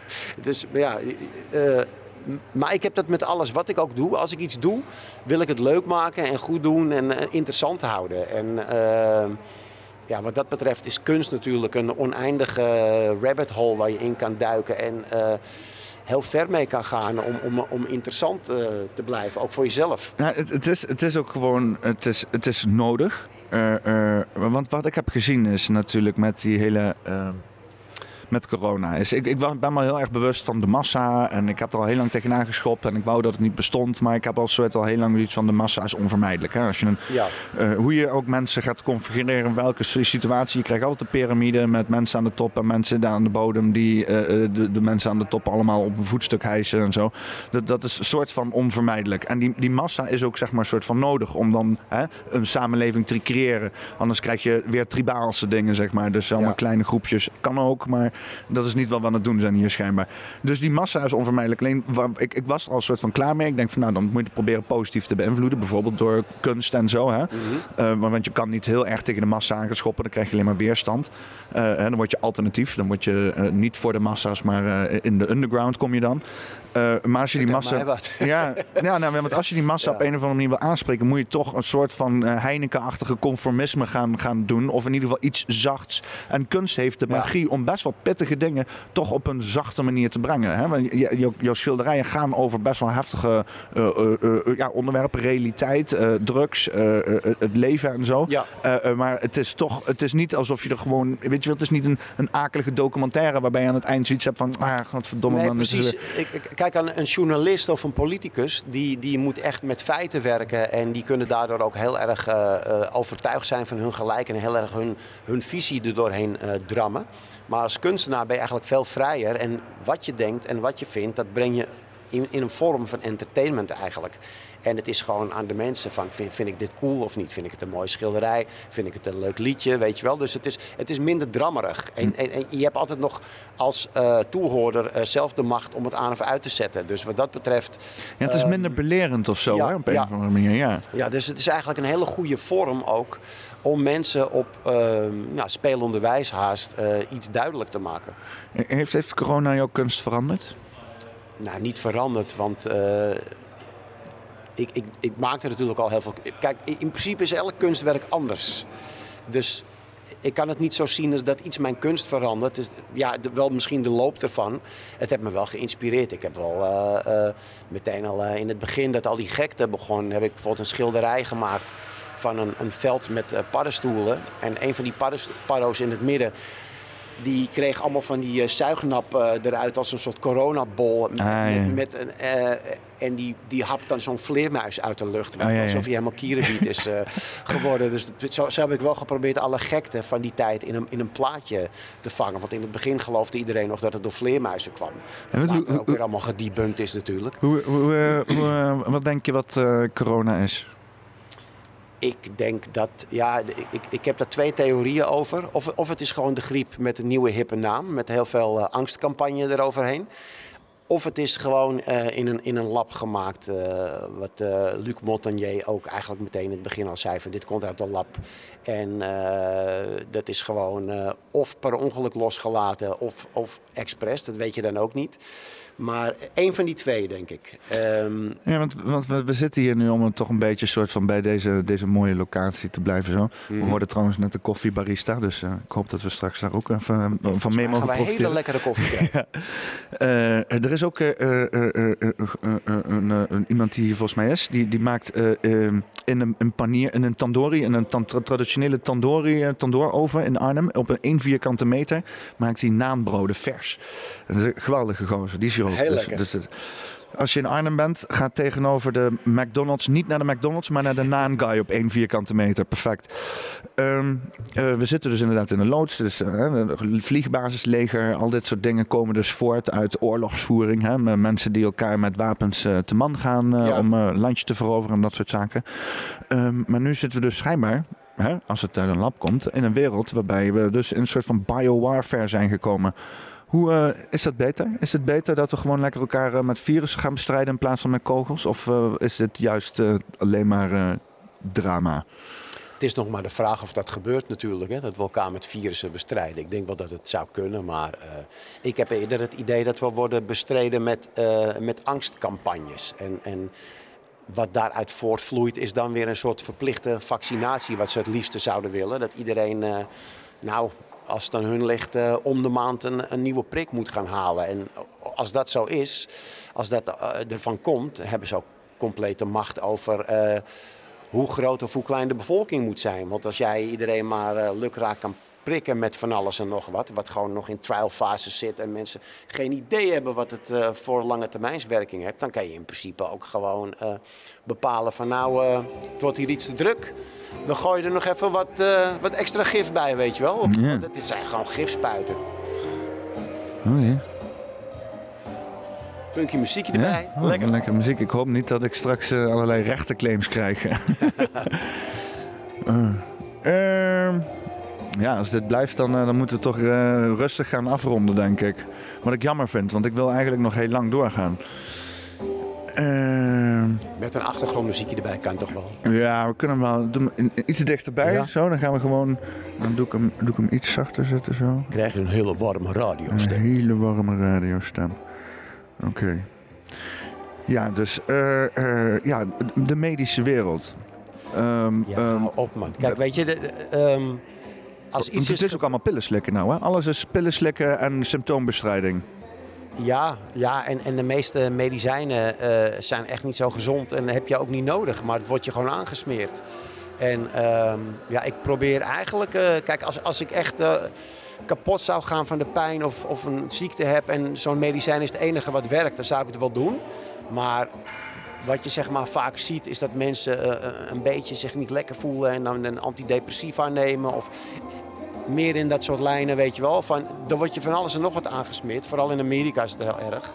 ja, ik zou er eh, liever niet voor gaan. Ik denk dat je wat dat betreft het best zo lang mogelijk clean eh, kan blijven. Ja, ja ik, ik ben, vroeger ben ik eh, aan, de, aan de Ritalin gezet. Ja, Omdat ik... Dat is ook een rotzooi, toch? Ja, want ik ben er later achter gekomen dat ik schijnbaar een indigo-kind ben. Maar de medische wereld noemt het ADHD. Ja. Ja, dan krijg je naar pillen toegediend hè? Dan, eh, om je te moeten focussen. Dus je bent inderdaad een, een kind met veel energie en Ja. een heel brede blik op het leven. En je hebt zin en de- de- wil alles tot je nemen. En dan zeggen ze nee, dat moet zo heel smal. En ga je maar op dit kleine blaadje focussen op je bureau. Ja. En dat noemen ze dan goed onderwijs.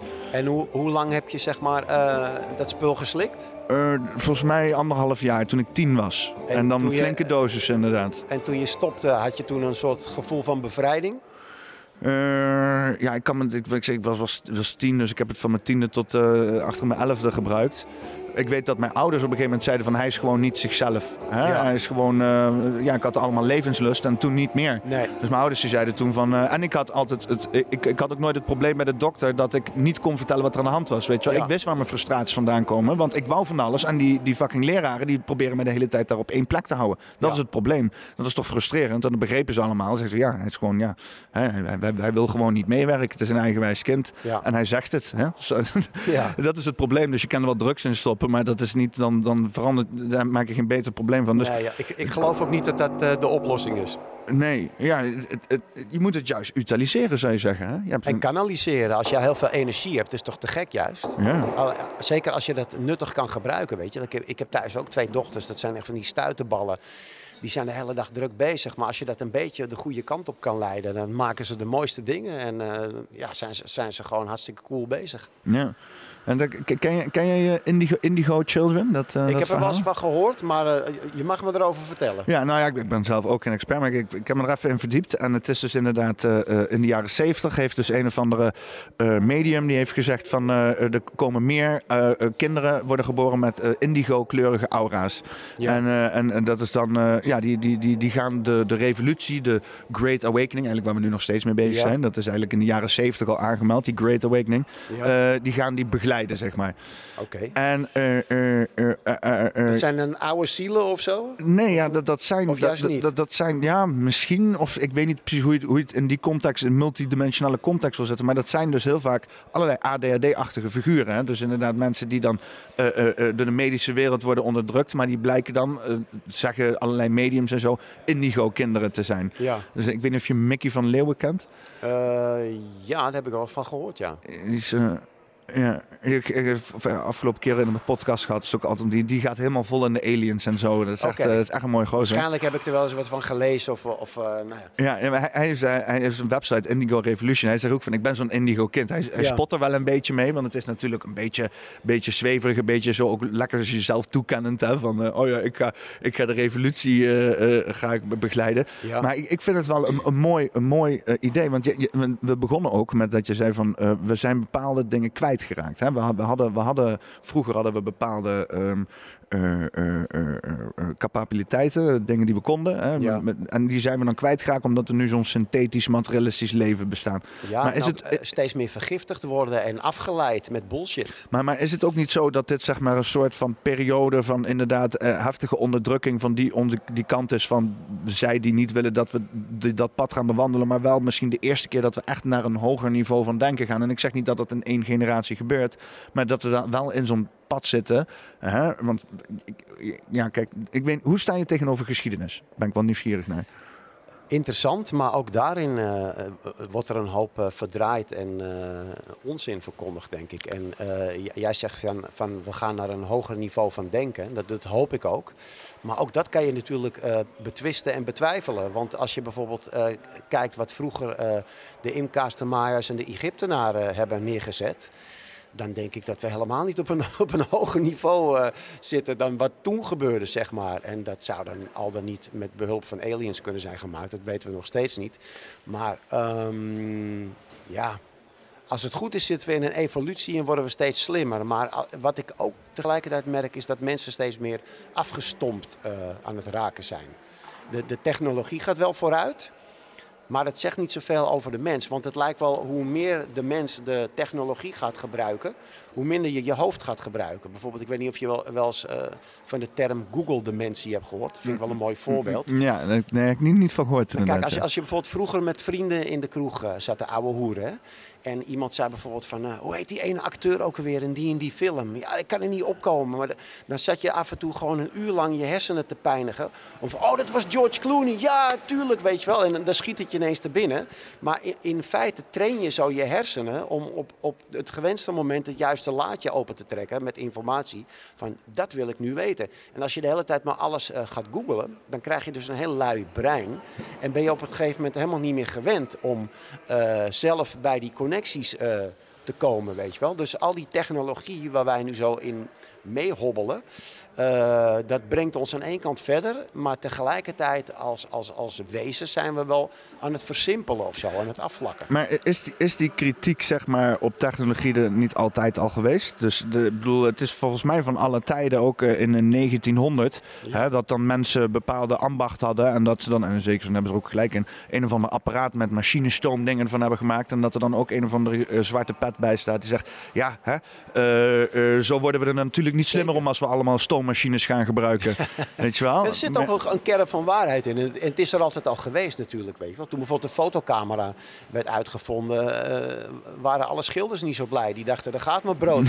Nu hoeven wij, kan een, een of andere debiel kan op een knopje drukken. Je hebt een prachtig plaatje, weet je wel. Dus ja, en uiteindelijk is eh, fotografie ook weer een hele kunstvorm op zich geworden. En heeft het niet het schilderen verdreven. En ondanks dat zo'n beetje iedereen een fotocamera in de telefoon heeft zitten. Hè? eh, want ik dacht ook van ja, die vak fotografie en videografie, ik heb ervoor gestudeerd en zo. Ik denk, maar ik weet niet hoe lang dat nog bestaat. Hè? Want iedereen die heeft zo'n ding in de, in de broekzak zitten. Maar het rare is, eh, de vraag wordt alleen maar meer. De vraag naar gewoon goede mensen die ook daadwerkelijk goede foto's en goede films kunnen maken tussen alle zooi die er is, die wordt alleen maar meer. Dus het is, heel veel mensen waren ook inderdaad bang. Van oh, dit, eh, eh, eh, dat iedereen toegang krijgt tot deze technologie. Dat gaat ten koste van mijn expertise. Maar dat is dat schaarste denken waar mensen in zitten. Maar wat dus in dit geval de werkelijkheid was, is dat juist doordat iedereen toegang ertot kreeg, werd de vraag alleen maar groter naar expertise. Dus het is, een grappig mechanisme eigenlijk, vind ik. Want in, mijn hoofd, ik, ik snap ook best wel dat je kan denken van... oh nee, als iedereen zomaar foto's kan maken... als, als, als iedereen, weet je wel, stel wordt een apparaatje uitgevonden... dan kan je P-stijl eh, s- schilderijen maken, weet je wel. Dan zou jij misschien ook zoiets hebben van... ah jee, maar dan gaat mijn originaliteit naar de kloten. Maar het kan best ook zijn dat de vraag naar jouw schilderij misschien veel groter wordt. Maar het is natuurlijk ook zo dat hoe groter een fenomeen wordt, eh, hoe moeilijker het is om boven het maaiveld uit te steken als zeg maar professional of, of iemand die daar heel goed in is. En als iets als fotografie heel groot wordt en je bent dan nog steeds een topper, dan ben je ook echt een topper, weet je wel. Dus ja, het is. ehm, Kijk, kijk, naar, kijk naar de hip-hop alleen al, waar ik dan zelf eh, van, vanaf dag één eh, in rondhang. Is dat eh, in het begin kwam er zeg maar één keer in de maand een, een album uit. En, en daar spaarde je dan voor en dat volgde je allemaal. Maar op een gegeven moment kwamen er zoveel hip-hop. Kwamen er per dag wel tien hip-hop albums uit. En er zat ook heel veel crap tussen. Maar om dan nog boven het maaiveld uit te steken, de- dan moet je echt wel heel goed je best doen. Dus eh, de En wat- vind je van de scene? breder en beter. Ja, er komt nu meer crap uit dan ooit tevoren. Maar Ja, dat mumble rap en eh, je hoeft niet veel meer te kunnen. Maar tegelijkertijd eh, maakt het ook dat de gasten die nu nog wel eruit kunnen springen, dat zijn dan wel echt een goeie. En dat, dat is een beetje mijn- punt. Het, is, het maakt niet zozeer uit eh, eh, hoe groot iets wordt, als je maar die drang blijft houden, denk ik, om eh, iets te doen wat anders is dan dat de rest doet. Ja, ja het, het, het maakt wel de mogelijkheden groter. Ik wil even deze even er doorheen gooien hoor. Dat vind ik gewoon even leuk. Snoop Dogg erbij, toch? Yeah, so eh, it's always going to be something new. When, when a person decides to be themselves, they offer something no one else can be. Yeah, because once you be you, who, who could be you but you? Right. Snoop Dogg. That's what's wrong right now. Everybody trying to rap the same style with the. Uh, I don't know who created it, if it was Future or Migos, but all them niggas sound the same.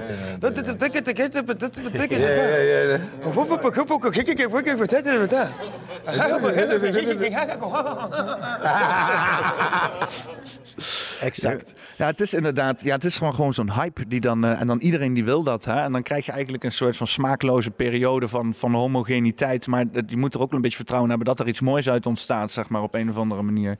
En ja, tot die tijd moet je een beetje, ja, de, de, de troep op je af laten komen. Ja, maar dat is voor mij ook wel de essentie van kunst. Om gewoon juist buiten die doos eh, te denken. En gewoon iets te maken wat gewoon niet bestaat. En eh, hun zeggen het al eigenlijk al heel mooi. Van who can be you better than you? Weet je Ja. Van, je bent eigenlijk al uniek. Maak dan ook unieke shit gewoon. Ja.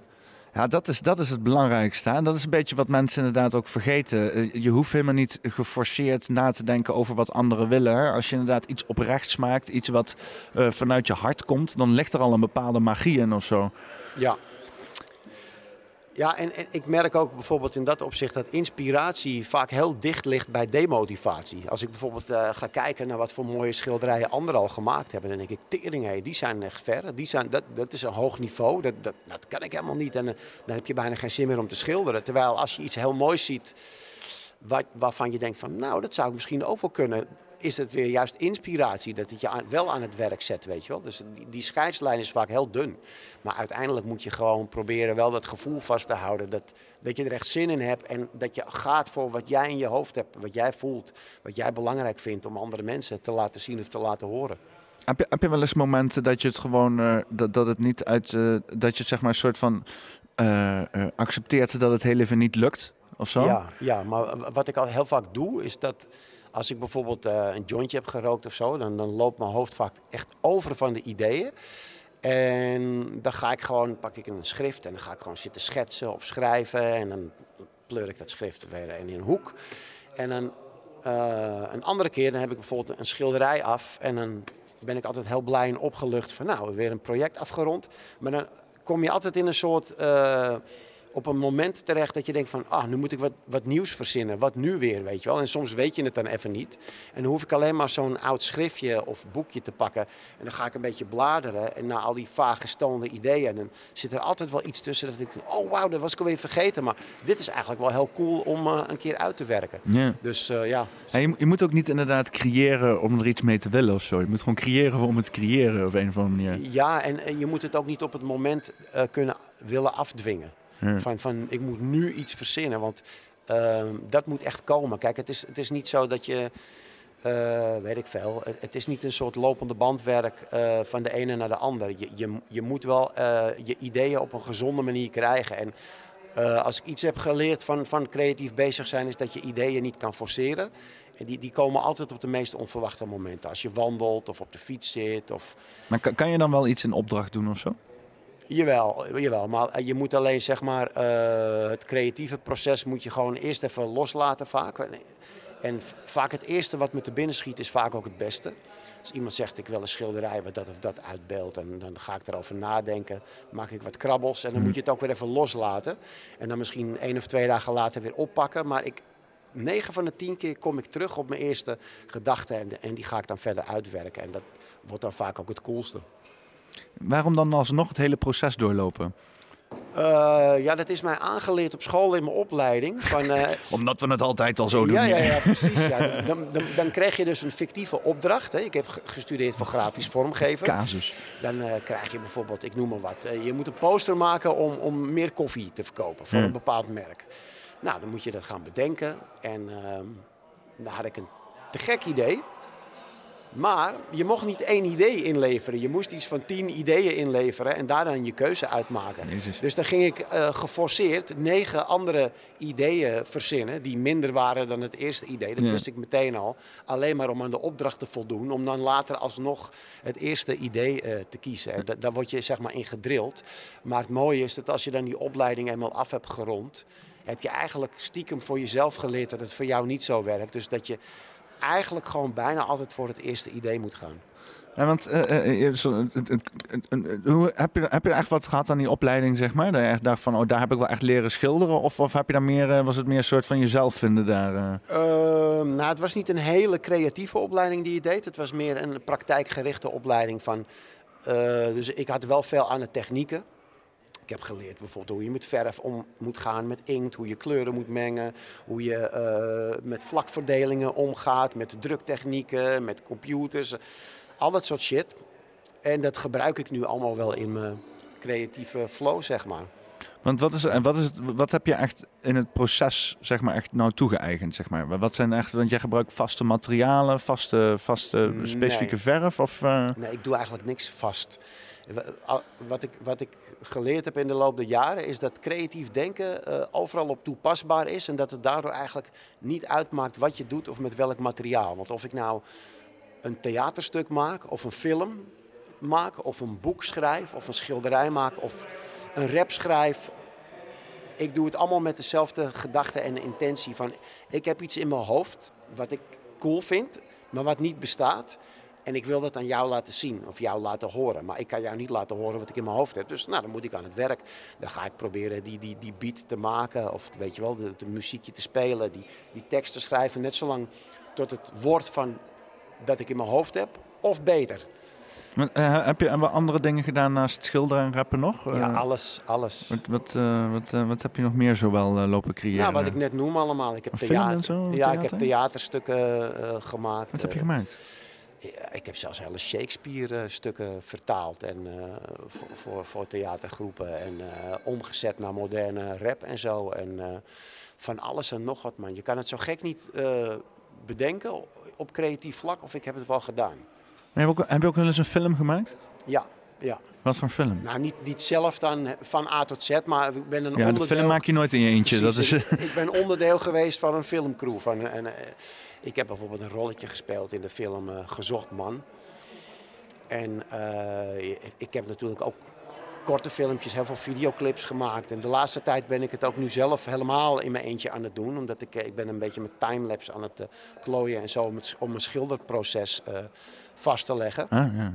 En dat eh, begin ik nu ook steeds langzaamaan steeds bekwamer in te worden. Dus Een beetje editen en zo. En, eh, ja, ja, ja, dus dat vind ik dan ook weer leuk om te ontdekken. Maar ik, ik, ik denk dat als je eh, de gaaf hebt om creatief te denken, dat het eigenlijk niet zoveel uitmaakt wat je doet, maar het is meer hoe je het doet. Ja.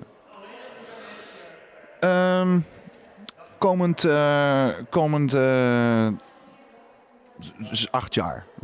Ja, Eh, eh, eh, wat voor wereld gaan we in volgend jaar? Eh, is, het, is het zeg maar onvermijdelijk wat we zeg maar aangeboden krijgen? Of hebben, we, hebben we nog andere opties? ik denk dat we niks aangeboden krijgen, maar dat we wel een kant op geforceerd worden.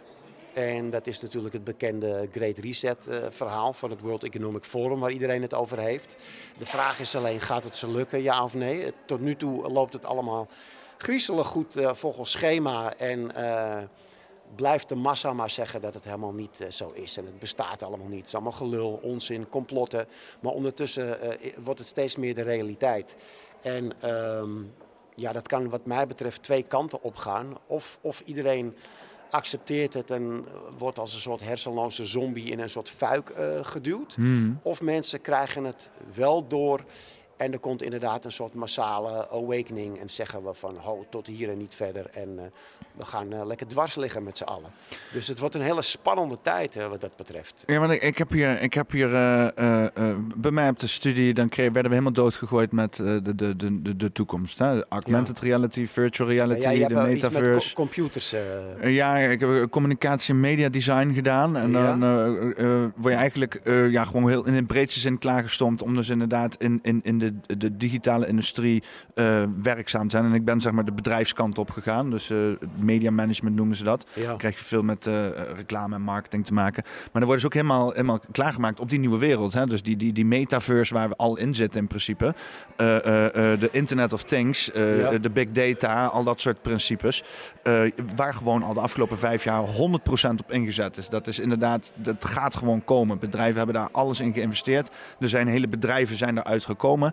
Eh gooi daar bovenop eh, quantum computers, eh, wat dus inderdaad nu door IBM en bepaalde instellingen ja, gewoon een soort van ja, mo- monopolie is. Hè. Je kan niet Mhm. zeg maar voor jezelf even een quantum computer aan gaan schaffen of zo. Dat gaat hem niet worden. Dus dat is in die handen van die bedrijven. Ja, dat is een wereld die gaat komen, zeg maar. En het enige wat we dan kunnen is van de soort van de- ons eruit wezelen eh, eh, als, een, als een groep of als een land of als Europa misschien nog, weet je wel. Mhm. Maar eh, dat we dus zometeen een, een wereld gaan krijgen waarbij ja, dus eigenlijk alles ja, nog verder digitaal is. Dat dus inderdaad, Want het, is, het, het, het wordt heel verleidelijk gemaakt. Hè? Dat je dus inderdaad gewoon met je, whatever dan de norm uh, gewoon overal toegang tot hebt. En Ja. uh, dat je nergens meer hoeft rekening te houden met alle bureaucratie. Want ik, ik kom zelf ook altijd om in de bureaucratie. Ik word helemaal niet goed van alle formuliertjes en, en, en papiertjes en instanties. En de Belastingdienst moet dit weer en de incassobureau Mhm. moet dat weer en Ja. de gemeente moet zus weer. Ik word er helemaal niet goed van. En ik heb ook het idee dat het onnodig zwaar is allemaal. Die Belastingdienst, dat slaat helemaal nergens op. Het zijn alleen maar mensen die zichzelf aan het betalen zijn. En het, het, het is, het is één grote logge gebeuren. Ik zie wel mogelijkheden in die digitale wereld. Om dus inderdaad die hele bureaucratie lichter en efficiënter en ook eerlijker te maken. En transparanter. Het Maar dan moet je wel in zal- zekere zin ja. vertrouwen hebben. En dat is er gewoon niet. En ik moet ook heel eerlijk Ja, zeggen. Dat wordt het knelpunt natuurlijk. Ja, maar en het, het, het, de, de, de gevestigde orde doet er ook niet veel aan om het vertrouwen omhoog te werken. Weet je, want dan schuiven ze een of andere kale Duitser naar voren die in één keer met, eh, met als, als, als soort van Dr. Evil gaat aankondigen dat je alles moet inleveren. Weet je, dat ik echt denk van, zijn jullie fucking achterlijk of zo? Hè? Het, is, het is ook gewoon hele rare marketing wat die WEF aan het doen is? Of denk je dat het gewoon één grote desinformatiecampagne is? Nee, nee in tegendeel. Ik, ik denk dat ze eh, exact eh, vertellen wat ze van plan zijn. Nou ja, exact. Kijk, ze, weten het natuurlijk heel mooi te brengen. Ze verpakken het in eh, mooie termen van sustainable, bla bla bla. En het is allemaal om de armoede te bestrijden en, en alles efficiënter te maken en dit en dat. Maar de sceptici zeggen natuurlijk van ja, het gaat alleen maar om controle en om macht. En dat is wel wat je steeds meer begint te merken. Dat het helemaal niet voor ons eh, gemak eh, dient, maar om jou gewoon onder de duim eh, te houden. Nou ja, want En- dit- soort technieën die, technieken die gaan direct over inderdaad je, de, de controle die je hebt over mensen. En het Ja. feit dat dat niet Ja. benoemd wordt en dat ze niet bovenaan zetten van dit is voor de go- goed van de burger. Hè, maar dat ze dus inderdaad allerlei megalomane plannen presenteren en zeggen hier moet iedereen aan voldoen. Ze hebben aan de burger. Sterker nog, ze vinden dat er te veel mensen zijn. Het mag best een beetje opgeruimd eh, worden, vinden ze. En, eh, Ja, dat doen ze niet officieel eh, naar buiten nee, brengen. nee. Hè? Nou, dat is ook niet helemaal waar. Ik, ik weet niet of je bijvoorbeeld de Georgia Guidestones Ja, kent. ja. Het staat gewoon letterlijk in steen gebeiteld dat ze dat willen. Nou, ja, je, hebt, je hebt een principe, je hebt een principe met, met, met ja, hoe noemen ze dat? Ehm, growth reduc- reduction, dus groei, groeireductie. Eh, waarbij dus inderdaad eh, eh, ehm, eh, kinderen, of ja, mensen die dus meer welvaart hebben, die gaan minder kinderen krijgen. Hè? Dus mensen die armer zijn, die hebben heel veel kinderen. En want pensioen en bijvoorbeeld veel Ja, kindersterfte. Dus je moet, weet je wel, Ja. flink wat Je produceren. wil, er om- een om- paar, je wil er een paar overhouden, Je wil er- zeg maar. een paar overhouden, ja. En, ja, en sommige dan ben je heel succesvol. En dan zit je dan met eh, acht kinderen te koekeloeren, weet je wel. Ja, dat, dat is zeg maar een, een, een ding een, een- wat vooral bij arme eh, mensen gebeurt. Rijke mensen, die zijn wat drukker. Die hebben wat meer eh, tijd voor hunzelf nodig. En creëren daardoor vaak ook minder kinderen. Hè. Die zijn ook Ja. wat veel zekerder van het proces dat het allemaal gaat lukken. Ja. Dus het idee is, is als je dus meer welvaart creëert in de wereld, dan gaan daar dus ook minder kinderen komen. Hè? En dan krijg, kom je dus op een punt waarbij dus inderdaad gewoon we onszelf vervangen. In plaats van dat Ja, er dus meer mensen bij komen. Dat is, hoe ik het, dat is hoe ik het begrijp. Hè? Maar heel veel mensen om mij heen ook, die zeggen... Nee, nee, nee, nee, nee. Eh, Bill Gates en ze proberen je dood te maken. Is, is dat, is dat niet, is dat niet eh, ook weer een beetje dat angstdenken, zeg maar? Ja, maar, ja, je, je- je komt met een heel verhaal, maar ik, ik denk dat je even naar het begin van je, van je betoog moet teruggaan met van... ehm, ze, ze, ze zijn bezig met meer welvaart. Maar denk je nou echt dat ze dat eh, aan het doen zijn? Kijk naar de laatste twee jaar. Eh, eh, de miljardairs zijn allemaal rijker geworden en, en het gewone klootjesvolk is armer geworden. Ja. Het verschuift alleen maar naar de top van de piramide. En het- als je zeg maar. ehm, ik hoor het, me, ik bedoel, ik ben nu 52. En ik hoor mijn hele leven, hoor ik al, de rijken worden rijker, de armen worden armer. En het is niet alleen maar een soort plat gezegde, het is ook echt zo. Dus ja, die, die meer welvaart komt Maar moet, je daar iets aan doen dan? Want dat is Ja. ook een beetje zoals ik begrijp van als je daar iets aan moet doen, dan Ja. moet je controle pakken. Nee, nee, want die. Nee, integendeel. De, degenen die nu de controle hebben, zijn juist degenen waar al het geld naartoe vloeit. Want daar, daarvoor gebruiken ze ook die controle onder andere, om te zorgen dat zij altijd aan het langste eind eh, trekken. En ik denk als je juist eh, naar een situatie gaat met minder controle van bovenaf, dat iedereen meer zijn eigen dingetje kan doen en onderling gaat eh, handelen, eh, dan krijg je dus veel meer dat mensen ook voor zichzelf eh, een, een leuke stuiver kunnen verdienen en ja, je eigen handeltje kan opzetten. Ja. De- want denk je dat deze bedrijven überhaupt nog wel te stoppen zijn? Want we leven in, in principe al in een corporatie, toch? Met de WEF inderdaad, alle bedrijven die bij Ja. elkaar komen en die dan inderdaad eh, onze cabinet penetraten en zo. En zeker, we, worden, ja. we worden al geregeerd door bedrijven. Hè? Dan wel niet door de lobby, dan wel niet direct door aangewezen personen via een of andere praatclub. Ja. praatclub. Eh, is, is, is, het niet, is het niet onvermijdelijk? Hè? Moeten we niet zeg maar, een manier vinden om ermee te werken? Of heb je zoiets van nee, we moeten, moeten er echt daarvan af, zeg maar? Want het, is ook, het, het, zijn wel de koningen en keizers van hedendaags, zeg maar. Het is hetzelfde als dat je in het Romeinse Rijk zegt... Ja, we moeten van die Caesar af, zeg maar. Kijk, eh, een bedrijf die wil alleen maar winst maken. En, wat dat betreft, een bedrijf heeft geen eh, moraal of zo, of een geweten. Dus om de wereld te laten leiden door bedrijven, dat is moreel gezien een foute boel. Dat is gewoon, eh, je ziet het aan alle kanten fout gaan. Ehm, dus nee, ik denk niet dat het, dat het pad is, Het is eh, niet... Het is niet die we zouden moeten volgen. Maar eh, tegelijkertijd is het wel de realiteit waarin we leven. De, de bedrijven gaan steeds meer de dienst uitmaken en ze doen het eigenlijk al. En eh, jouw andere vraag van is dat te stoppen? Ik, ik denk bijna niet. Behalve Of is het te veranderen, zeg maar? Want, want, ja, want als, shit, is- als shit hits the fan. Ik denk mensen, weet je wat het is? Mensen worden pas eh, wakker, de, de meeste mensen dan, de massa, als iets hun gaat irriteren Ja. of storen. moet eerst fout gaan. Het moet eerst gewoon compleet fout gaan voordat iedereen zegt van hé, hey, wacht even, nu gaat het ook mij persoonlijk raken. Weet je? Want kijk, eh, Nederlanders die, die komen pas in actie als ze niet meer op vakantie eh, kunnen of zo. Weet je wel? Van ja, corona, ja, kan mij het allemaal schelen. Wat kan ik niet op vakantie? Hier met die prik, weet je wel. Zo, zo gaat het gewoon. En, en, en, en, en wat dat betreft eh, komen mensen dan ineens wel heel fanatiek in actie als het om hun eigen hebben en houden gaat. Dus ik denk dat, ehm, ik geloof als je, als je het heel globaal gaat bekijken, dat 5% van de wereldbevolking 95% van de bezittingen heeft en vice versa. En dat gaat steeds harder eh, verschuiven. Dus ik denk dat wij binnenkort meemaken dat zeg maar 1% 99% heeft en vice versa. En ik denk dat dat ook wel een soort moment is dat die 99% wel moet gaan denken en moet gaan zien van...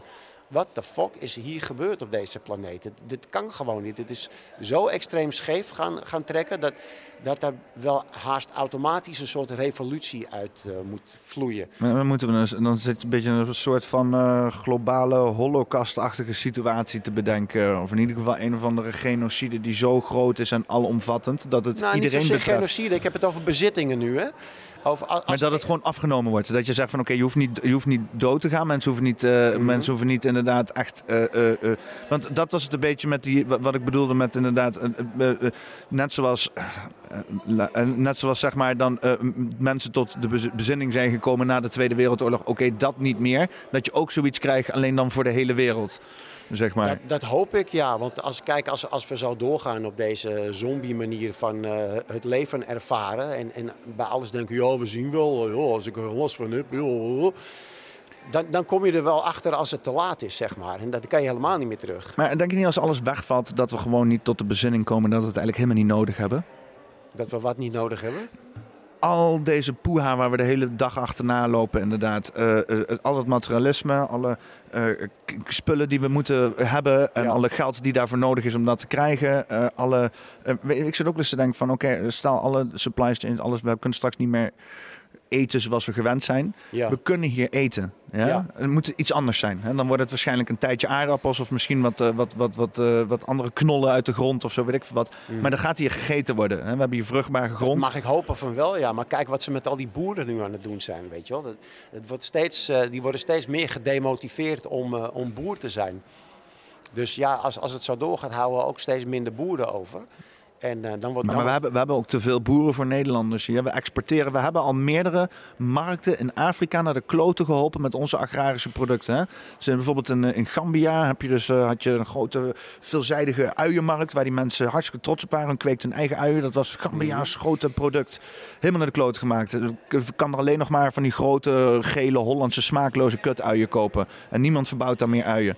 Omdat wij hier superveel uien kweken. Dat is dat niet nodig kunnen we net zo goed toch zeggen, nou die boeren weg, weet je wel. Of in ieder geval, als je inderdaad alleen maar markten in het buitenland aan het kapotmaken bent, ja, daar hebben wij in Nederland hier verder niks aan. En als je inderdaad hier voor lokale redenen produceert, dan absoluut. Of dat dat dan gewoon inderdaad een, eh, Ja. Nou, het is wel waar dat hier meer geproduceerd wordt dan we nodig hebben. Maar uh, ja, op direct of indirect uh, haal je daar ook weer je welvaart als land vandaan, weet je wel. En het is het grootste uit exportproduct agrarisch. Ja, en dat, dat, zal ongetwijfeld goede en slechte kanten hebben. Maar ik, kijk, boeren doen natuurlijk wel iets essentieels. Ja. Want al het andere, wat jij ook al zegt, al het materialisme hebben we helemaal niet nodig. Weet je wel. Loop een willekeurige HEMA of zo in en je ziet eigenlijk allemaal spullen die je niet keihard nodig hebt. Het is leuk om, om pennen, schriften, stiften. ik loop, als ik in het centrum loop van een stad, dan heb ik al zoiets van wat zit allemaal. En dan, het is bijna alleen maar kleding en vreten als je door een Kalverstraat loopt of zo. Maar ook het principe dat mensen een dagje gaan shoppen. Wat vind je daarvan? Ja, ik, het is nooit mijn hobby geweest. Ik, ik ben altijd zo van, als ik iets nodig heb, dan ga ik naar de winkel en dan koop ik dat. En dan ga ik weer naar huis. En ik ga niet voor mijn lol zeg maar, door een winkel lopen om te denken, oh, dat kan ik ook wel gebruiken. Of dat lijkt me wel leuk. Nee, dat, ja, ik, heb dat ook, uh, ik, ik heb ook altijd een, een, hekel gehad aan klerenwinkelen. Inderdaad, tussen allemaal mensen die aan het graaien zijn. En dan moet je iets, iets, iets uitvinden omdat je specifiek dat aan het doen bent op dat moment. Ik heb meer altijd het liefst dat dingen naar me toe moeten komen of zo. Hè? Als je eens een keer wat, wat toevallig tegenkomt of bijvoorbeeld laatst een vette jas van mijn opa heb ik uh, geërfd, zeg maar. Nou, die, dat wordt mijn, die jas vind ik helemaal vet, zeg maar. Hoef ik ook geen nieuwe jas te kopen. Ik vind het veel mooier dan dat ik naar een winkel ga en zeg, oh, dit is een, uh, dit is een aanbieding, die ga ik meenemen of zo. Ja. Ik vind het zo betekenisloos op ja, een maar de, de, meeste spullen hebben we ook niet nodig. En uh, wat dat betreft is, zijn die boeren natuurlijk wel essentieel. Die, die maken wel iets wat je wel nodig hebt, eten en drinken en weet ik het allemaal. Maar um, het wordt ons natuurlijk ook aangepraat. We moeten consumeren. Ja, Rutte die zegt het letterlijk. Hè. Toen eh, was er even een klein financieel dipje. En toen zei hij, ja, iedereen moet kopen, kopen, toch? Ja, eh, precies. Kopen, kopen, kopen. En dan wordt de boel weer uh, opgekalefaterd en dan loopt het allemaal weer. En, en, ondertussen is diezelfde Rutte de hele teringzooi aan het slopen... door alles dicht te gooien en, weet je wel, gewoon te dwarsbomen eigenlijk. Ja. Ja, het, is. Ik, ik, ik, vraag me aan. Kijk, hè, aan spiritualiteit verdien je geen geld. Het is ook de bedoeling inderdaad niet om, om geld te verdienen op een of andere manier. Maar ja, het is in ieder geval fijn dat er wel weer. Uh, uh, uh, ik, ik vind het heel fijn, want de laatste tijd spreek ik heel veel mensen die dus inderdaad heel veel bezig zijn met inderdaad meer, datgene wat meer dan materialistisch is. Mhm. Maar helemaal niet op een bijvoorbeeld religieus niveau. Hè? En dat, dat zie je wel.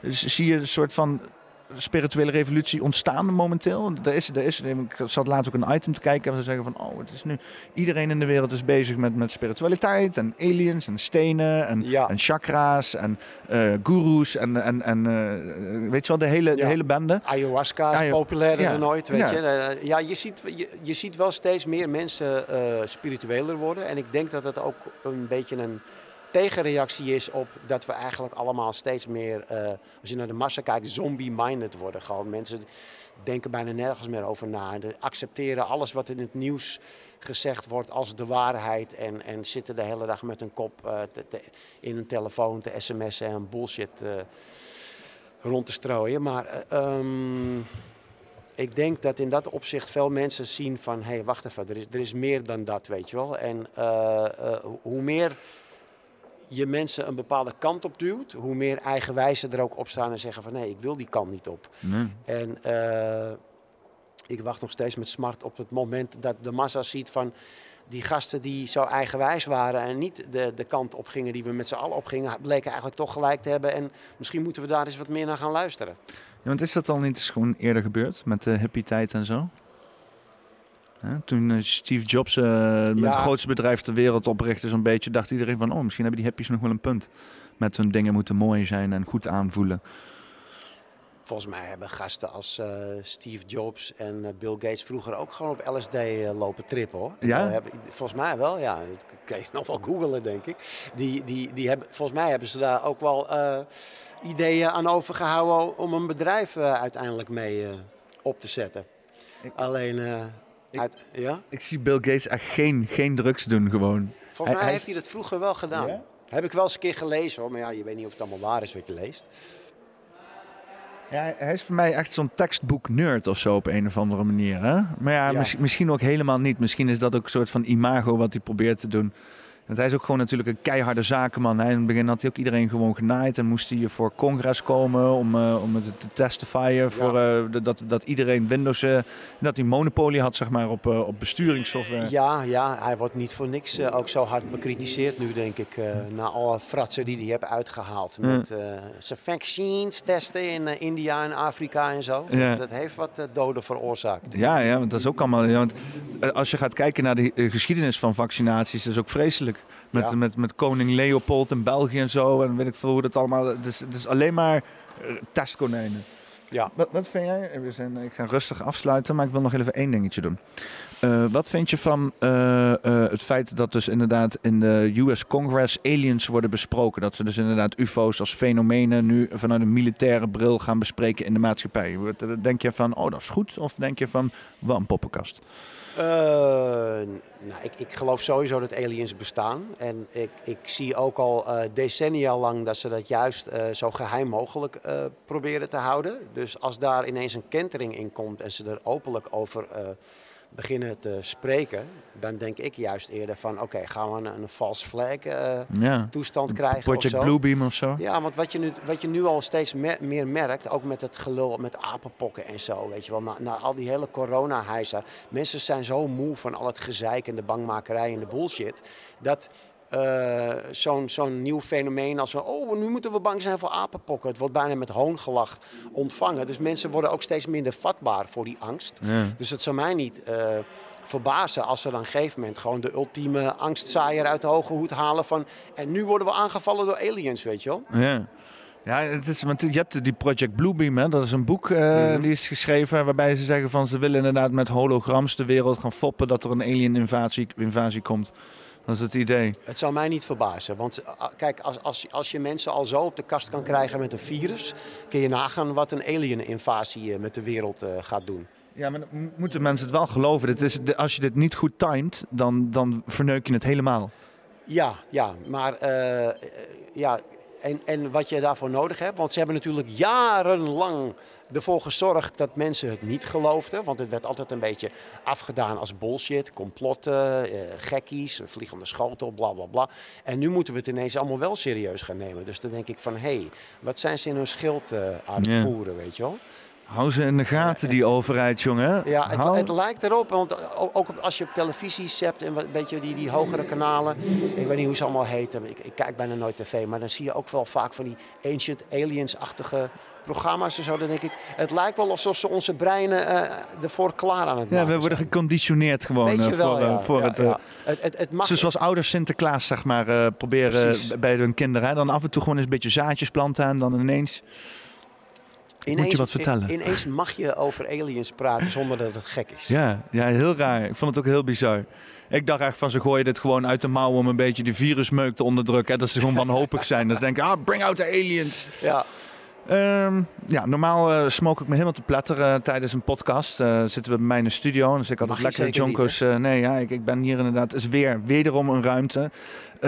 ik hoop gewoon deze keer als je in de buurt bent in Gelderland een keer langskomt. En dan, uh, want jij, jij, jij, jij bloot nog steeds ook. Hè? Ja, Zeker, ja. Niet de hele dag door, maar nee, ja, s'avonds vind ik het wel lekker. Dat, dat we misschien eens een keer, uh, eens een keer uh, goed diepgaand en misschien wat actualiteiten en dan gewoon met een jointje, als je zin hebt. Want je, hebt ook, je, bent, ook, je bent wel eens in Gelderland, toch? Als ik het goed begrijp. volgens mij wel, ja. Maar, ja. nou, vroeger kwam ik overal, omdat ik, ik toerde natuurlijk constant rond. Maar dat, dat is nu ook niet meer echt het, het geval met al die maatregelen. En Um, als je nu bijvoorbeeld een tour gaat boeken, dan moet je een jaar van tevoren al gaan boeken. Niemand weet hoe, hoe, over een jaar die regeltjes allemaal weer zijn. Dus het is heel lastig geworden. Hmm. Plus ik heb al uh, zeven jaar lang last van mijn stem. Ik word heel snel schor. Oh. Dus optreden wordt steeds lastiger voor mij. Dus ik, ik weet niet of ik nog ga toeren. Dus uh, in dat opzicht weet ik ook niet hoe vaak ik nog in, in Gelderland uh, ga komen. Vroeger had ik gezegd ja, tuurlijk joh. Ik kom uh, om de havenklap in Gelderland. Maar nu, nu weet ik het niet. Ja, daarom ben ik hier ook volop gedoken. Ik dacht je weet maar nooit wanneer het moment zich weer toedient natuurlijk. Nou ja, ik, ik vond het een, een heel fijn gesprek. We, we, kunnen het vast wel een keer overdoen met een joint erbij. Ja, dat, dat zou... Me, dat, lijkt me helemaal hartstikke leuk. Dat, dat is wel... Dat is, stiekem dacht ik wel van... Oh, weet je wel, dan Def Pier moeten we natuurlijk gaan blowen. Dus ik dacht van, nu zitten we hier. Dan maar kan je nagaan als we nuchter al over zulke vage onderwerpen de hele tijd lullen... wat, wat er uh, stoont gaat gebeuren. Ja. Dat is het mooiste. Ja. Eh, ik heb een traditie. Ik verzin altijd aan het eind van de podcast een, eh, een leuke naam voor eh, een titel voor de, voor de, voor de, voor de podcast. Mhm. Eh, eh, heb, jij, heb jij iets wat je te binnen schiet? Een woord, een, een bepaald dingetje? Of, Over dit, om, om dit hele gesprek ja, gewoon iets samen van, te in, in, drie, in drie woorden of zo? Nou ja, we hebben het over van alles en nog wat gehad. Maar het was een beetje het aftasten van de realiteit. Hè? Ja. Van, van, eh, Dus even kijken. Eh, dimensies, maar meer dan drie met Def P. ja, we zitten natuurlijk ook hier. Dit is misschien, eh, even kijken. We zitten in een, in een, in een hangaar. In een hangaar. Een soort van... eh, een, een hangaar vol realiteiten of zo. dat vind ik een mooie. Ja. Ja. Eh, dat haakt ook mooi in een helm vol verhalen. Ja, Een hangaar vol realiteiten. ja. Nou, dan, eh, kijk aan. We, we, traditie zetten we gewoon voort. Dan eh, is dit eh poppenkast nummer 71. Een hangaar vol realiteiten met Def P. Oké dan man. Tot kijken.